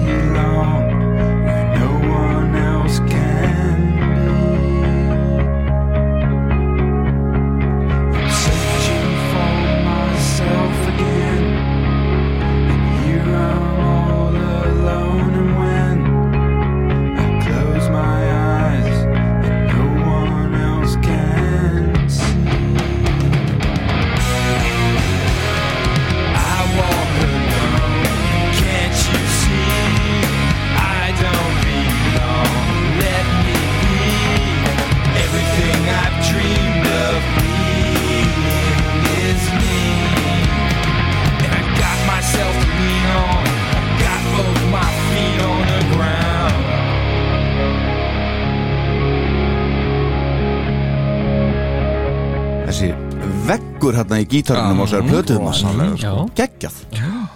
Þetta strákar, það er ekkert að þessu. Er þið verið bíð, hvernig er þetta? Ég er ekki alveg kláraði hvar þeir eru. Nei, ég, ég held þessi D. Já, getur ha, Já, það hefur verið gaman að sjá þá fjarlægið mitt eins og fórsendingum hérna það hefur verið gaman að sjá þá syngja þetta sko, bara allt lægið sko. þetta er lokalægið maður En Já, þetta bara þetta er samt rífa þetta í svo sig, sko. löðrænt að brúsi sig að syngja hérna síðasta lægið á síðustu plötunni sinni I Walk Alone og er bara farin úr öllu kiss Ég fekk Já, já, að þetta er allt voðalega fallegt og allt, en það bara hjálpar ekki legin sko. Jú, lægin Nei. Ég fekk til dæmis ekki gæsa á núna þegar þú sagðir það, það, það var grí, ingredient fyrir að fá alveg massi á gæsa en ég bara alveg, aldrei viljað dauða Já. mér húðin Hérna, heyri, heyri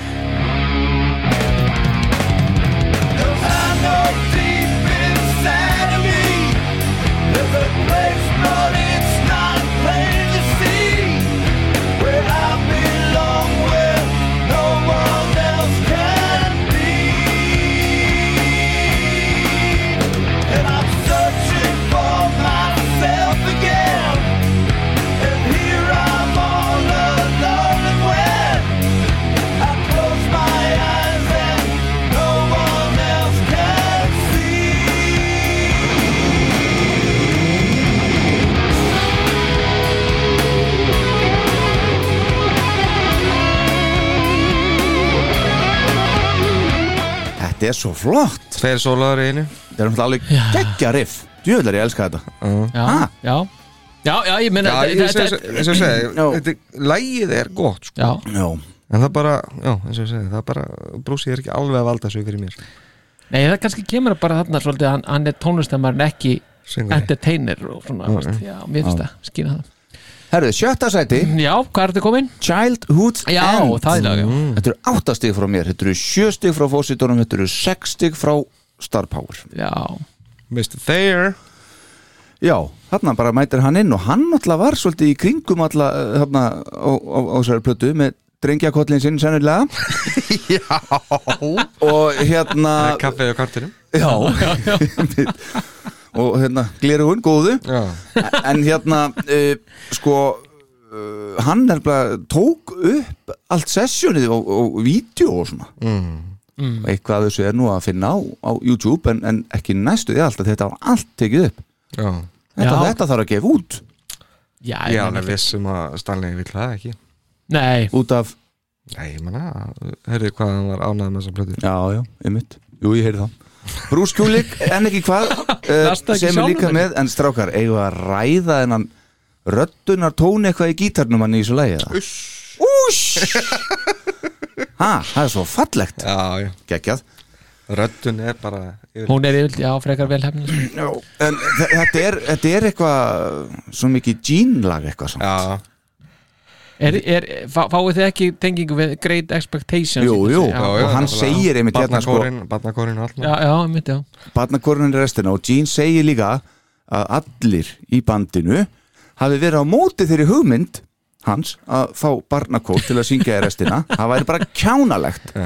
En Gene stóð á sínu og fekk sínu fram. Og svo segir hann ekki var það kjánalegt þegar að Esin baði um þetta og Destroyer Nei, nei, það er ekki saman hver ég er sko. en svona nei, sérskilegu bassin í þessu lagi? Já, uh, brúnni sérstaklega? það sem mér finnst uh, Þetta er fínt lag og fyllt af, fínt af flottum pörtum. Mhm. Það eina sem að skemmur þetta fyrir mér er einhvern veginn að mér finnst textin voðalega kljarn eitthvað. Mm. Eitthvað svona, æ, alvöru. Já, þetta veitu, fjallar um eh, eitthvað svona uh, Tvo vini svo uh, annar að vera frægur og, og hinn fer í götterið sko, sko. mitt En samt alltaf vinir eitthvað, bla. Já, Æ, mitt já. Star Power? Já, þetta, þetta lag var hérna svona það sem greip mig þegar ég hlustaði með á þessa blötu til að byrja með, þetta svona, þetta er eitthvað katsi finnst mér í þessu. Mhm. eh, ég veist eins og bara eins og stundum áður, þá finnst mér bara lagið of langt hjá tín, mér finnst bara ómikla endurtekningar, mér finnst það skemma svolítið, en mér finnst þetta lag bara, það er bara fínt. Bara, finnst þetta er- mér finnst þetta ekki, þetta er bara svona miðlungslag samt, finnst mér. Bara no joke. Sólaði hjá Næst stiðsta lægi á plötunni. Já, en mér finnst sko, það hefði átt að vera þrjár og tíu sko, Já. en er fjórar og tuttu Já, Sólaði hjá Brúsi Blott mm Já, já, fínt sóla hjá honum og bara svona, veist, þetta er bara svona notalett lag, finnst mér. En bara, þú veist, það er nóg bara uh, þessi tótn, hann röddunatótn og gítarnum, sko, það er bara nóg. Mm. Það gerir þetta svo Já. Það gerir þetta sko Einmitt. Og heyrðu það, Já, Já. gerum það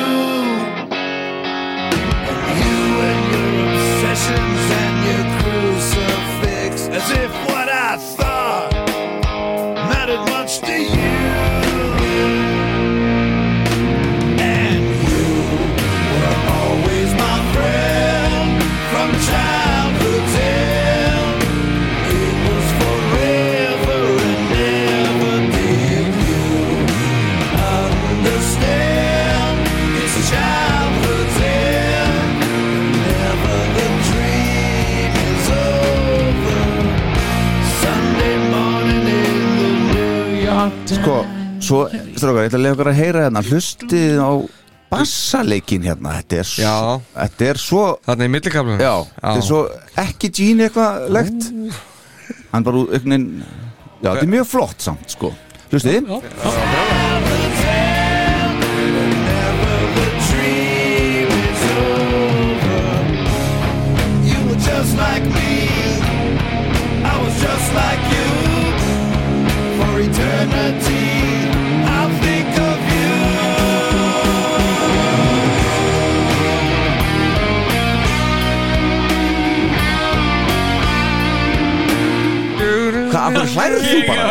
elska Ég hef aldrei heyrt í neitt í þessum bassa sko Ég var alveg að leggja mig geggja fram núna sko. Þú heyrður ekki þetta?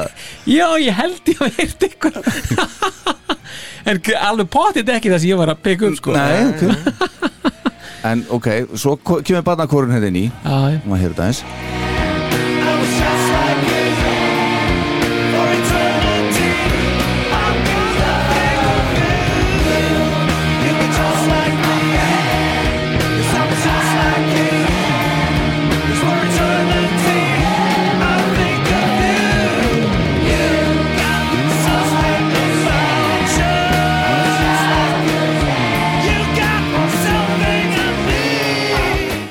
mjög sérstakur bassalegur Ógeðslega flott. Þetta er bara negla.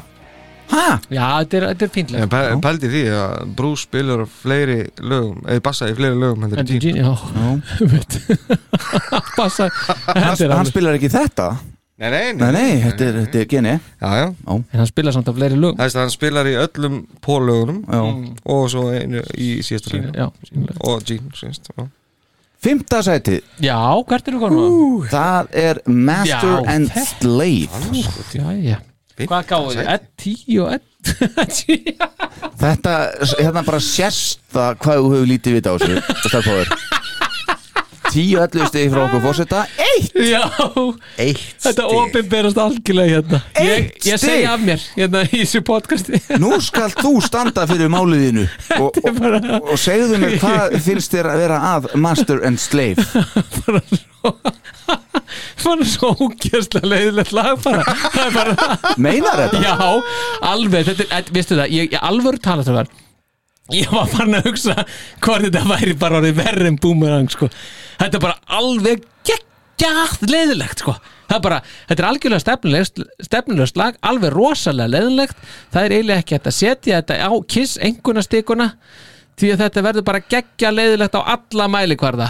Hrikalega leiðileg byrjun, um, versin ömurleg alveg hræðilegt. Þetta er bara svo Þetta er bara ég- Sigga Sverris Já, eða þetta er svolítið þannig sko. Ég viðkenna þessi, sko, ég ætla ekki að lesa meira. Veist það þarf ekki. Nei, ég ætla að skammast þín Já, einmitt, þú ættir að skammastu þín. Já, ég, ég er búin að bjóðast þess að segja mér hérna Það er sko, mér finnst þetta að vera geggjalag og. Pól er algjörlega frábær í þessu lagi. Alveg stórkostlega sko. Og Ég frábær það. gítarsólókablin og, og það sem er að gera sikkur megin við gítarsólóið uh, líka gott setansólóið sem að hérna, einmitt. Það er nú tölvörtu melodiskara heldur en það fyrra. Þarna, aftur, tvö sóló. Finnst allt við þetta lag geggjað. Viðlagið, erindið, Já. brúin, allt. Það kemur eitt flott ég hérna fyrir því Nei, ég er það ekki. Svarar hann, Erður það ekki? Nei, Ha? er það svar? Nei, það er bara að myndi á fyrst- eftir og kemur hann á milli og segir hann yeah. Þetta er engin svör Þetta ekki að því, það er engin svör á sér Það er engin svörun Þetta er handóni öskrið því á pólmaður og svo bara kaplinn eftir öskrið. Djóka? Hann er geggjaður. Ég held að nú skal þú hísi upp við buksvöldar Star Power og hlusta á þetta lag. þá var þetta bara púra hefi metan sko. Já, já. geggjað hlustar á þetta lag og þetta verður upp á slæðið þitt áður en að þátturinn er allur. Ok, reynum það. Er það? Já, já, já, já. endilega,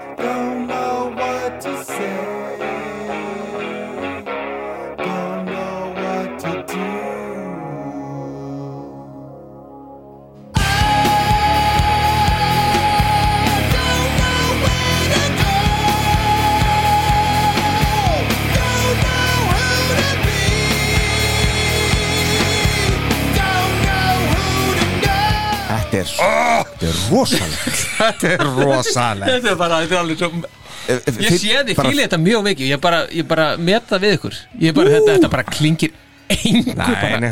Alltaf verður að segjast að við erum aðeins í þingri Já. kantinum svona í lífinu yfirleitt. Já, það er þannig sko. Tónlistilega séð. Við erum lengra Já. komnir. Já, já, já, við erum lengur komnir. Nei, ég held að endur speglist bara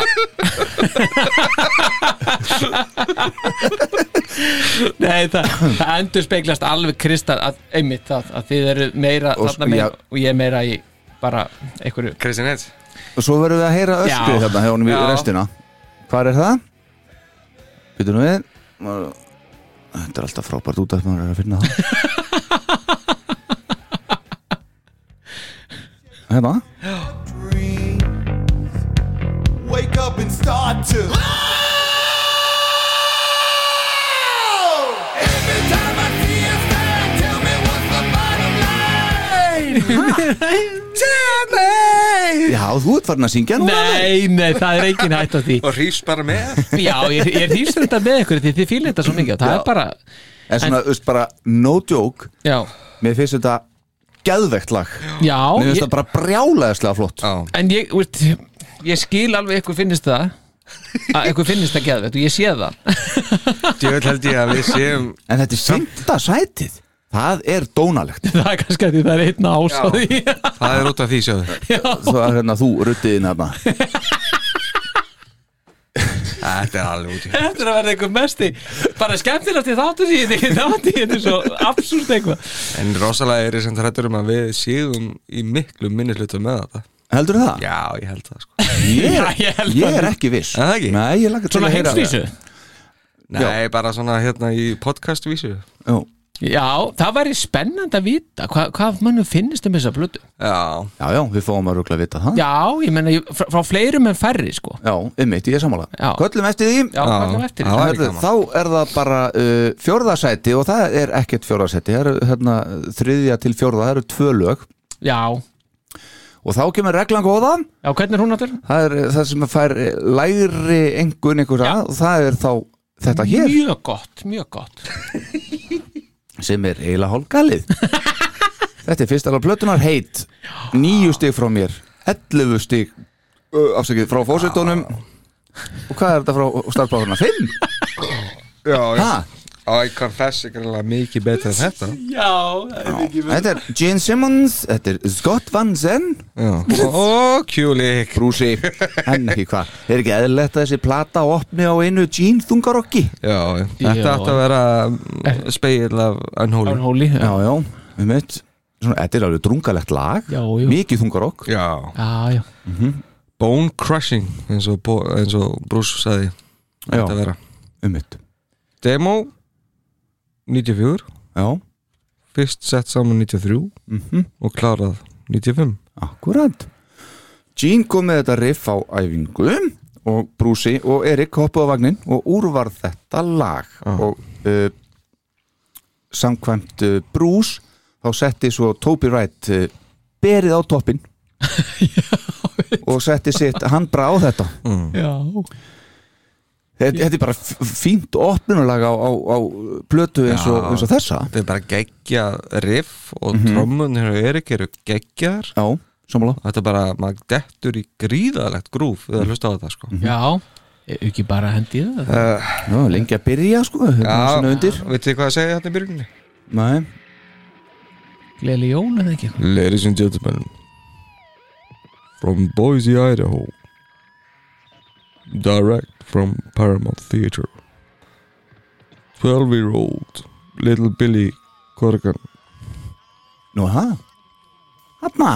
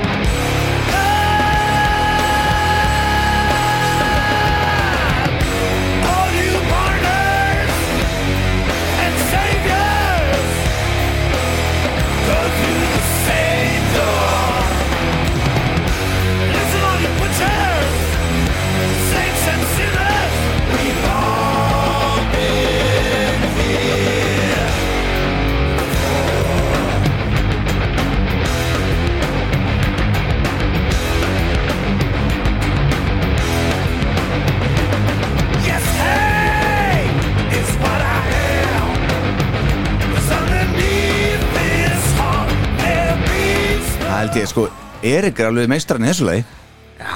Svo fallegt, Virkilega sko. flott. Mér finnst þetta bara frábær smíð. Já, þetta er gott lag.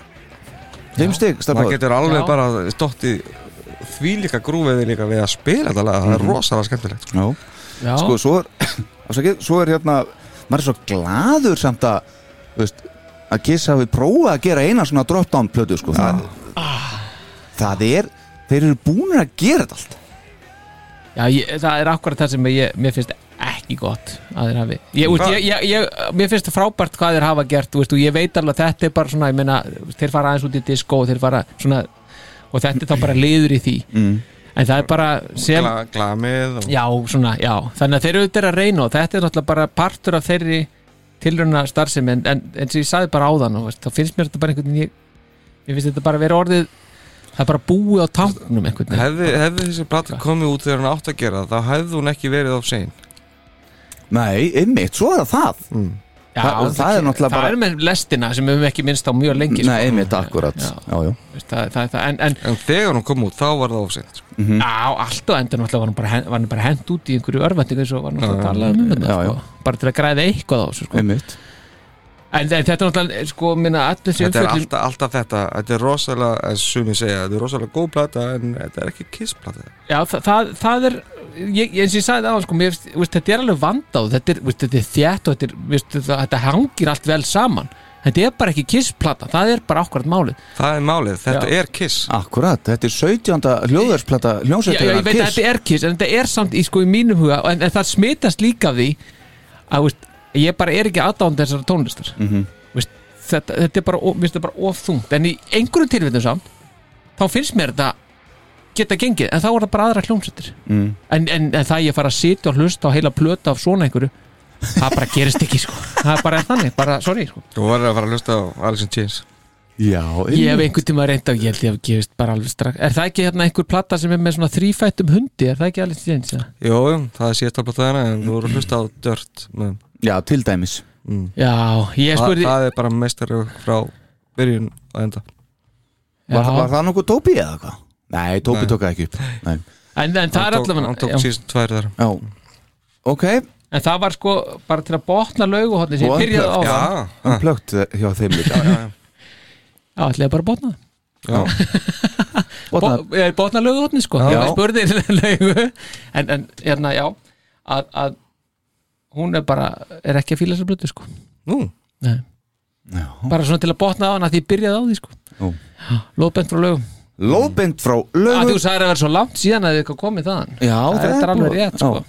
Dottu, dottu fyrir Herðu, ok, við erum þrjúlega eftir. Það er Já. top 3 Og Já. við erum komin hérna í uh, Jungle. Já, 10 stig frá mér 8 stig frá Forsetónum 7 stig frá Star Power. Já, nú, nú. Samtals Duto 5 Dútt og fimm. Já, sjötta lag blötunar, er þetta ekki bara fyrsta lag á bílið eða hvað? Nei, nei, nei, það þetta getur er ekki ekki síðast á að Já, síðasta aðsannlega Hvað segir ha, Jungle. Já, já, já Já, þetta er Paul Stanley, Bruce Kulick og Curtis Cuomo. Já. Bruce á bassanum en ekki hvað. Og Bruce samti einmitt þetta bassariff og Curtis Cuomo fannst þetta svo busy riff og hann stakk því upp á þessari laglínu sem Paul syngur yfir þetta svona langar og tegðar línur. Og það sem ég hef heyrt á þessari blötu Kiss eru svolítið að vinna með svörtunótunar á, á píanóinu á þessari blötu, það er tekið eftir í Já, svona hálftónu upp alltaf eitthvað svona í laglínum sérstaklega. Uh, og svo er náttúrulega alls ekki algengt að- að heyra svona effekt á bassarnum í kisslægi en þetta er ekki venjuleg kissplata. En kissplata er þetta! Það verður ekki farið fram hjá því. Næ, mér finnst gítarsólóðið frábært í þessu lagi. Erik gerir líka gott mót hér. Uh, ein, Þetta er eina smáskjöð sem kom út af þessari plötu ekki satt? Nei, Nú, þetta var fyrsta smáskjóða fyrsta já, ok. Uh, Þetta lag náttúrulega er 6 mínútur 49 sekundur Já, Þetta Er þetta ekki bara lengsta lengsta Kiss-lagið? lag sem hefur komið út á stúdíuplötum í Kiss. Mhm. Þetta náði áttunda sæti á Mainstream Rock Charts já, sem er, sem er hæsta sem að þeir hafa náð. Mm Já, Og með fékk- þetta, já. Fína útvarspilum Já. þetta lag, sko. Þess, Heavens on Fire náði í 11. sæti. Og haldið ykkur nú? Já, Svo var þetta lag kos, kosið lag ársins 1997 af lesendum Metal Edge tímaritsins sem þá var og hét. Hæ? Þetta er eitt af þau lögu sem að Tobi Wright er hvað ánaðastu með og hann svona setur fullt hann pródusar mikið í þessu lagi. Setur mjög mikið svona á bakvið hann með bongotrómur og synda og eitthvað hvað og hvað hana og hann segir það er erfitt að heyra þetta nema og sett bara með þetta í góðum höttunum eða góðum græjum þá heyrur öll svona ísterekkin sem ég setti í þetta. Já, ha? það er einmitt það sem við ættum að gera núna. Já, við Já, já, blöstum þetta í höstum Já. okkur. Já, Mm. Eini gallinn Þetta Já. er aðeins of lengi að enda. Já, já, bara svakalega lengi enda sko. Bara uh, gítar uh, endalaust eitthvað skröld í tvær mínútur sko. Eftir að fimm mínútur eru liðnar sko Nei, ég bara var að fóra að hugsa sko, veist, hvað var þetta að setja mörg kjöstlög, hérna, anything from my baby see you in the dreams and coming home. Það var þetta að setja öll þessi þrjú lög bara inn í þetta og fengjum að þrjú lög í stæðan fyrir eitt svona langt. Já, þetta er eins og þegar maður er að hugsa um þetta á tónleikum með Kiss þegar hann, Paul Stanley er að töða eitthvað.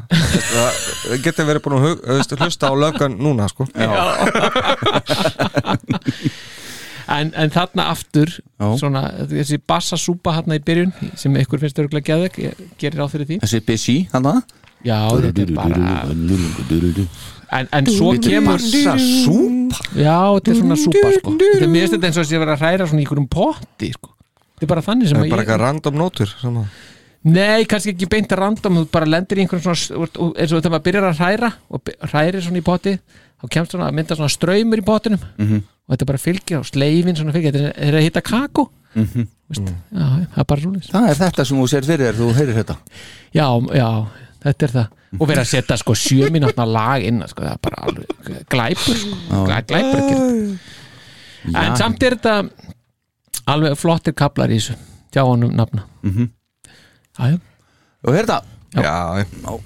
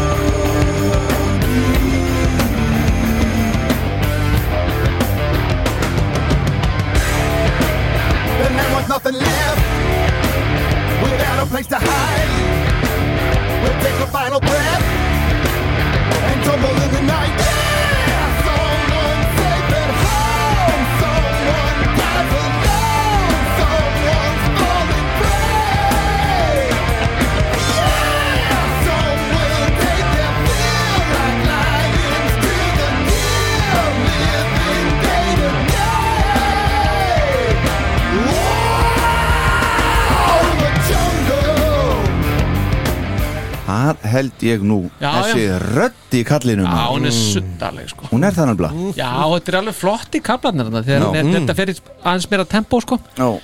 Þeir eru flottir sko. Mm. Veist, En þessar lungu nótur hérna, sem, hún- sem við heyrum nú Já Ertu ekki að fíla það? Nei, mér veist þetta ekki Nei, finnst það var einmitt til að kontrasta Já, ég veit, já, ég veit, já, þú veist en, Minka súpuna hérna, eitthvað aðeins Já, já, svona Það er þess að En- en- hæja strömmnum Já, kaká, kakóströmmur Já, í já. botinu Kakóstraumurinn. Já, já, þetta er svona Já, já Það er alltaf gott að með gott merkinga, Já. líkingamál Já, rétt, hárrétt. Hárrétt, sko Já, Næst besta lag plötunar rauninni mati- besta lagið. ba- Mati þáttarins er uh, I Will Be There Já. sem að Paul Stanley uh, semur Mhm. uh, bú. And the usual suspects Kulik og Kuomo Já, hann, já, einmitt ég hérna þetta, hann semur þetta til uh, sonar sinns, Mhm. Evan Stanley. Evan Shane Stanley sko. Brús á basanum en ekki hvað. Lí, lítið sem ekkert uh, um hérna trommuleiki í þessu, jú, jú, eitthvað en, en voða uh, svona Hann er hóflegur. Já, einmitt, lágstemt, allt saman. Uh, Pól segist að samið þetta laga okkar förðulegt þryggja strengja hljóðfæri sem hann fekk að gjöf. Mm. Og uh, bjóð til einhverja stillingu á þetta og samtið þetta lag Mhm. og hérna svo settu hann og brúsi uh, akústik gítara yfir þetta uh, Pól fyrir á kostum í söng hérna að mínu mati mm. snilda laglína hjá honum Mm. beiti rödd sinni frábærlega Mm. og svo skrifa ég hérna við erum sérstaklega að spila frá uh, mínútu 3.15 Hvað gerist þá? ég má það ekki. Þetta er bara geggju geggjuballa. Já, þetta er það. Það er smá Bon Jovi líkt að þessu. Mhm. En samt frábært. Þegar kallin fer upp á eftir tónuna Þá er það bara guðtón. Mhm. Já. Þetta er Svo þung mest spilaðasta leið á Spotify blöðunni. Já, ég er Þetta er ekki svo þung balla sko. Já, hún er, hún er Þegar það. það fara hérna niður næstu tónuna Það Já, er bara Það er ógæðslega flott. Og það er, finnst mér gera svo mikið fyrir þetta lag. Það er þessi bassalegur einmitt þegar hann tekur dýpstu tónana í bassanum. Mhm. Og þetta er svo lang besta lagið á þessari plötu sko. Alveg lang að mínum að því og mér finnst þetta bara jafnvel, þetta bara er að fara mjög ofalega á katalógin bara yfir höfuð hjá Kiss. Já, mér finnst þetta alveg gríðarlega á mér finnst þetta svona Var þetta tínt lag? tínt þegar þú fórst að hlusta á þetta núna og varstu búin að gleyma því? nei, nei, ég var ekki búin að glemma þetta Mm. ég, þetta er alveg lag sem ég svona tjekka á alltaf öðru hverju já sko, hann laumur hlustar Já, já, ég laum að hlusta á þetta Já. alveg klárlega, af því það, mér finnst þarna vera einhver svona sannleikur, mér finnst bara Pól vera Pól þarna, Mhm. og hann er að syngja um og það er, já, meining í textanum að meining í textanum Mhm. og hann er að syngja um veist náttúrulega bara það dýrmætasta af öllu dýrmætu í hans lífi Mm. Þann, það, og það skýn í gegn og mér finnst þetta bara listaverk þetta lag sko.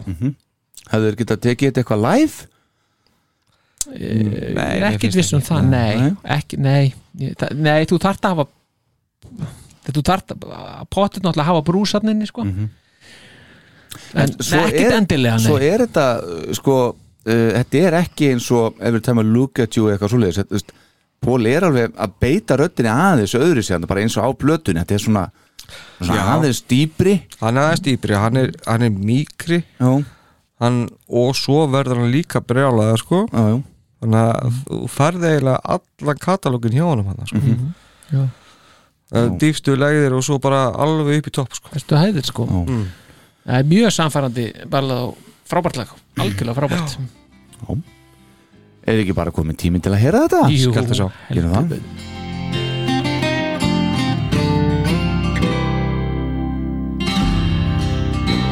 each and every day. People turn away, change the things they feel, change the things they say.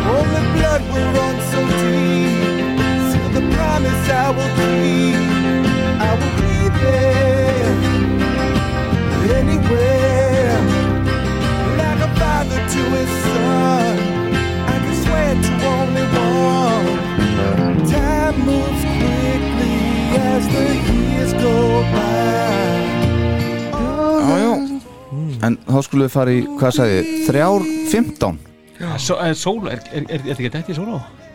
Er, er kemur sólo núna? Já, Viltu heyra það? Já, geggja sólo Some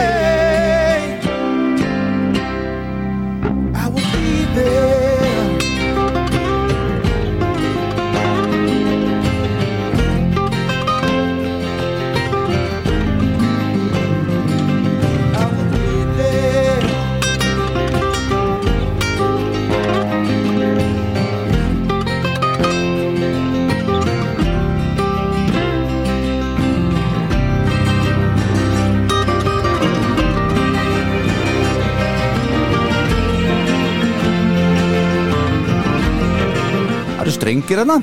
Þetta er, Það eru nú er að koma þrjár 15, er þið ekki spenntir? jú, ég er mjög Hvað ég var að merkja? Jú, Það eru 5 sekundur í þetta. Fjórar, þrjár. Tvær, Og svo. heyri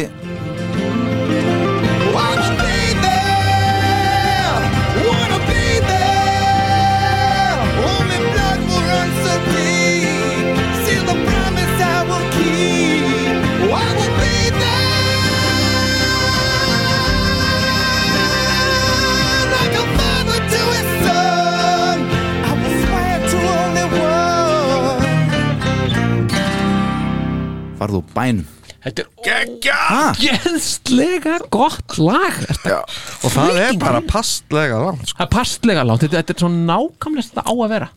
Svo bara endilega Ding, ding, ding, ding, dum. Búið. Þrjár 49 Já, Ekki, ekki tvær mínútur í svona nei, eitthvað, eitthvað du, du, du, du, du, du, eitthvað, í lokin. Já, akkurat. Nákvæmlega ekki að semstu minna Jó, jó, jó Það voru bara besta lag blöðunar að mati þáttarins. Já, mætti þetta Það er eh, Reyn uh, lag númer 2 á blöðunni 12 Já, stig frá mér, fullt hús. 9 stig frá Já, er bara fjóruða sko. 10 stig frá Star Power. Aftur uh, Paul Stanley, Bruce Kulik og sko Curtis Cuomo sem fæði nú ansi mikið vægi á þessari plötu. Já, er ekki með sex lög? Það er hvað Já, allavega það Já, Curtis góða með með sex lög. Já, Kjúli ekki með níu lög. Já, já. Scott Larson þrjú. En Kulik er í bandinu sko? Já, Stanley og, og Simma sem er sex, sex spor. Já. En það, er- þetta er með hjá Brúsa. Já, alveg, þetta er alveg bara heimsmynd meðal meðlima Kiss. Já, já, algjörlega. Já, já, það var aldrei Vel gert í honum. Uh, Var ekki vinni bara með átta og líkið upp Já, já. Já, Brúsi Það er 80% Já, þetta er svona, já spurning Brúsi spilar bassan já. í reyn uh, að svona skuggalegt og, og svolítið öðrisi gítarsólóði hans Mm. finnst mér líka. Brúsi á að riffið. Uh, mér finnst geggjaður ból í þessu lagi. Algjöl negla þessi 90s ból hann sem ma maður heyrir. Uppáhaldslag Toby vinnur okkar á þessari plötu. Og svo er ég að fíla svolítið þetta offbeat sem að byrtist þannig í þessu lagi eitthvað sökkar fyrir því. Og bara þarna finnst mér bara kiss droppa niður alveg svínvirka mér finnst það æðislegt. Og enda gef ég þessu fullt ús mm. uh, já. En Kurt sem hann. Hva, hvaða gæði er þetta? samt hann ekki Psycho Circus líka? Jú, jú, Já. samt er tvölu og Psycho Circus. Já, uh, Psycho Circus eins og Já, lagið og svo I Pledge a Legend to the State of Rock and Roll. Hann er það líka á ferðinni. Mm. þannig að já, ég, svo sem þekki hann ekki neitt Ekki meira persónulega? Nei, ekki persónulega nei Nei, ég, ég ekkit svo sem meira sko, hann hefur ekkit verið, þetta er það sem hann er þekktastur fyrir Mhm. það er að hafa unnum, semst starfa með kiss Mhm. á þessum tveimur blöðum og en hann hefur samið samt eitthvað helling af lögum sko Mhm. að einhverjum telur einhverjum hundruðum sko Já, já, er það svona banki bara sem áfyllt af lögum sem að já, mér, sendir hingað og hangað eitthvað Hann er ekki að gera þetta sjálfur. Það sést, gefa út sjálfur og svona. Það held ég ekki nei, sko. ég nefnilega held ekki sko. Þessi svona, einmitt, já, svona banki sko. Já, þeir eru nokkrir. Það er gott að Tjöldarinn? Já, já, það er hægt að hafa ágætlega út í því. Já, já, maður hittir á það svona, mm. að minnst kosti stundum. Já. en ég veit, er, er, er, er komo að hitta á það? Já, frekar heldur en fann sen Já Já, en mér fannst hann náttúrulega hitta geggjað á það á, á Psycho Circus sko það er hann alveg bara neglega Já. en þetta lag er, er líka veist, þetta, þetta er alveg mjög töff lag, þetta, þetta er reyn Mhm. og Pól er náttúrulega bara hann er Out of this world, sko. sko. sérstaklega í viðlæginu sko. mér finnst Já. það bara sturlað sko. Þetta er svona hægt og segðandi mikið grúf og röddinn í pól í gegn alveg reynd sko já, ég menn þetta er já, Já, ég, world. þetta er náttúrulega ekki, ekki uppáhaldslega í méttablötunni Nei. en geggjað þrátt fyrir það sko já að þetta er samt eins og hjá mér þetta er svona, þri, þetta er, ekki þriða besta lagi hjá mér ekki, tíu, ekki tíu stiga eitthvað hjá mér þannig að þannig er samt alveg þungt sko, þetta er þungt Jú, veist, þetta voru, þetta tíu stið frá þér Já, já. níu frá fósitónum og fullt ús frá mér já, já. Þannig að það er ekki alltaf það er ekki bara það að lagi sér þungt að að það detti niður vinsallarist en hjá mér sko. Nei, nei, ef það akkurat. er bara gefur eitthvað. Mhm. og þetta gefur. Já, einmitt. Ok, ef að heyra þetta? Já, já. Það lítur að enda með því. Já, já, Ef að hérna koma inn aftur eftir þetta? Já, já, já, já, það. já, já. Já, það er Já, já, íslenska pressan eftir það ekki Jú, Já, heldur betur. Já, heyrum þetta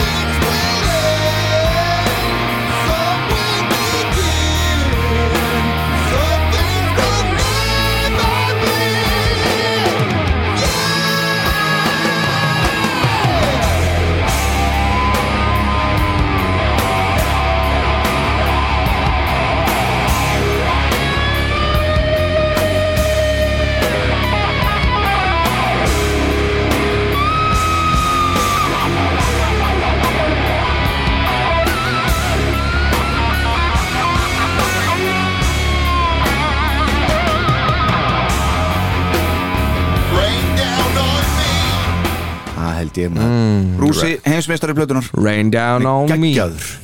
Hann er geggjaður á þessari plötu. Bara þannig að það sé sagt. Já, Hann notaði svolítið Vavó pedalinn hann Já, á þessar blöðu já, einmitt. Það var svo skemmtilega skuggalegt og öðru sér þetta gítarsólu líka. Það er mm. geðslega flott maður. Þessi, þessi plata, þetta er alveg 8-5 í hildina fyrir mig. já, við erum sammála. Eh, Ég, ég sammála þessi 8-5 deilt með tveimur Það er bara Já, hún er bara í 4,3 hjá mér. Já, vá. Já, En fósiti, hvað er Þetta er átta sko. Er það ekki? Já, Me, meira að vita á þessum starfbáður já í, í, í þessu allavega já. Þú ert með sko eitt lag hérna sem að er bara eitt af bestu kisslögunum og, og gefur blötunni fjóra Já, og annars hefði bara, ég ekki ef það hefði ekki verið eitt besta gísla þá hefði ekki þetta enda maður. Hva, Hvað gafstu í sælum? Að sælum, Já, hún fór í 7.15 Já. Já, já, já, já og, Veitu, það, það voru, já, það voru tvö lög það sem voru Kiss verðug, var það ekki? Jú. Ekkert að marka þess að Eitt lag þarna, já, já, já. Já, það er geggja þetta sko, allt hitt er rusl. Þetta er svo dónalegt að segja þetta. En ertu með eitthvað í pressunni? Já, er heilmikil pressa í þessu. Er Lóð- það? Nei, það er, það er engin Sko, það er ekkert talað um Carnival og Souls í íslensku pressunni. Nei. Þar með líkur þessum, þessum Nei, nei. En þannig að það, það er náttúrulega það að þetta druknar í umræðu um reunion-túrin Þetta bara fer einhvern veginn og þar, þar fer það yfir Eðlilega eðlilega Og það er algjörlega. þessum að ræða í uppæði þáttar með þessa plötu Hvað hefði gerst ef að þetta hefði ekki kapnað í því? Já, já, já, algjörlega eh, Já, al, akkurat en, en það er svo gaman samt þó að það sé að við nú kannski bara tala svona um þetta tímabil að, að 3. janúar 97 þá byrtist í DFF að Kiss hafið eins og stendur í fyrirsögninni hafi fengið flesta tónleika 1996 ekkert mjög góð fyrirsögn en sem sagt svo byrjar þetta bandariska rockljónsveitin Kiss reyndist vera svo atkvæða mesta á tónleikasviðinu á nýliðnu ári hljónsveitin fekk jafnverði tæplega 2,9 miljardar króna í kassan sem er langt umfram það sem sá næst vinsælasti fekk fyrir sína tónleikaferð mm. og það er svolítið gaman þessu að þetta byrtist þessi í DFF Var það Rolling Stones eða eitthvað líka? YouTube. eða U2, já, Já, já. getur verið eitthvað svoleiðis mér minnir að hafa verið U2 Já, já. En ég held að þetta sé fyrsta umfjöllunin í DFF um Kiss frá því að Guðjón Bergmann gaf upp Unplugged dómin 19. april 95 Já, Það Bara tvö, tvö ár. Já, já, ég held að Tæp. þetta sé svona eitthvað svoleiðis Og sko hver skrifar þetta? ég man ekkert hver skrifaði þetta og er ekki með að nota það með. Mm en þar var það og að Kiss verið útbrunnir þannig að nú getum í, í plötudómnu var þeir verið útbrunnir og nú sjáum við þarna hvað þeir eru óbóstlega útbrunnir með Mm. stærstu tónleikaferðina. Um, svo var smá frétt líka í júli 97 um að Vinni væri að fara í mál við Kiss hann er kannski ekki frétt í sjálfu sér en þá var það út að, hérna, að Lick It Up en það sem var gaman í því var það að það var byrjað mynd af bandinu frá 1980 með Erik Carr. Já, Já. og sagt að þetta sé Kiss frá 8. áratögnum sem stóð undir myndinni. Það var Átni Matt sem var með það. Hvað segir frá þú? 8 Já. áratung sem er semst 70 eitthvað. 70 eitthvað sko. Ah. já, já, það var svona allt rámt þarna og öfust í þessu. Hann á að vita betur. Hann á að vita betur. En, svo, sko, en ef við förum svona að sem er næst því sem er, er, er ég fann í fjölmiðlum í kring, kringum þannig 28. oktober 97 þá er það viðtal við Robba Rapp Já. eða, eða DJ Rampage sem er, sérst, var heldtekin kiss aðdáandi á nýjönda áratögnum og það var í mokkanum 12. oktober og hann segir hann að við byrjaði að hlusta á kiss sem sagt 8 ára, við heldtekin kiss aðdáandi veggfóðraði ver- herbyggið með kissmyndum. Og þeir voru svo flottir, allir málar í flottnum búningum, þetta var í kringum 1984 og eitthvað bla bla bla. Þannig að sko, þetta er bara umfjöllunin sem er í gangi Já. í íslensku pressunni. Mjög mikið málaður hérna 84 mitt. Já, það er alveg gi- gigantist sko. En svo bara til að slúta þessu að því að þannig erum við svo ég komið því að slútinu. Að um það leiti sem Kiss er að hefja tökur á, á KOS. Í, í, í Nóvember. 95 já, í nóvember 95 Mhm. þá stendur snorrin okkur í Betel á stendur hann fyrir ge geisladiska brennu í Vestmanni Já, Það er alltaf vinsælt Já, það er vinsælt mm. og svo á forsíðu alþýðublasins 7. oktober sem er daginn áður en Tommy Thayer verið 35 ára mm. Bara svo svo það sé, að. já, svo því sem komið að Mhm. að þá sagt byrtist þessi fyrir sögn ungmenn í Vestmannum ganga til liðs við betelsöfnuðin og segja skili við ókristilega tónlist brendu geisladiska fyrir miljón Snorri Óskarsson í betel ef Guðs andi talar þannig til okkar að það eigi að setja þetta á eldin er best að hreinsa til. Og svo nefnilega er svo áhugavert. Hann veit ekki að því að uh, það er eitt guðsmaður á þessari blötu hér. Já, Já, hann, hann vissi ekki að því. Nei. Tamplin er þetta að ringi í hann hann hefði þetta að ringja beint í hann en það náttúrulega bara þannig upptökk að það var að hefjast sko. Já, já, já, já. en hugsa ykkur samt sko. Hvað þetta er klikkað hérna, ef maður grýpir Og sko, þetta er ekki 76 sko nei, nei, en ákvæmlega Já. Eða Þú veist, þetta- 66 Já, einmitt já, eða 56 jafnvel. Einmitt. Já. en Eða 40 sko. já, eða það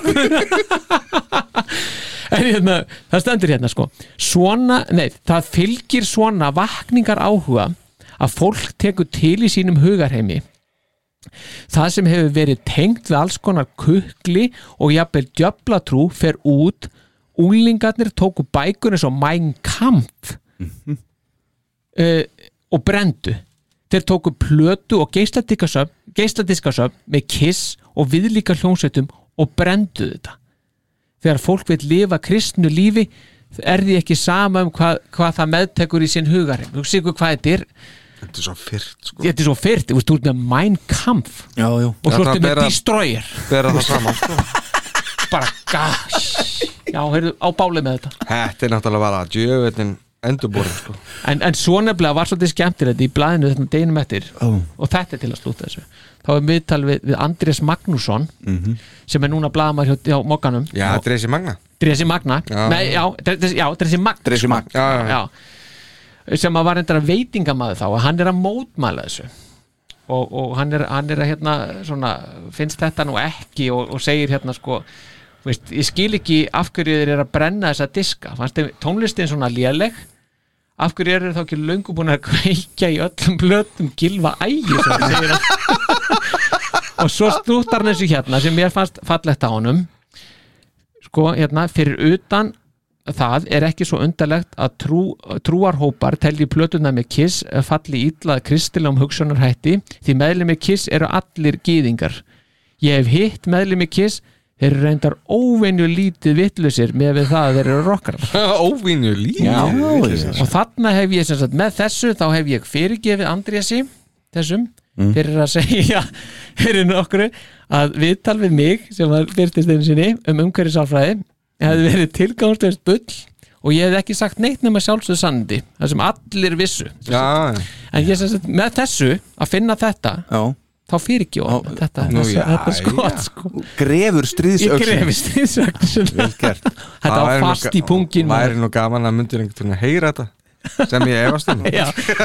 Maður veit ekki. Maður ekki, það getur verið að dressi maxi bara allur að hlusta. Já, já, já. Já, Með öllu líkamannum. Með öllu líkamannum. En ég, sko, þetta er bara pressan. Já. íslenska pressan, Takk kærlega fyrir það. Já, bara verði ykkur að góðum. Þá hefur- Þáttur Gaman að þessu. 59 runnið sitt. Það Skeið. 59 já. Já.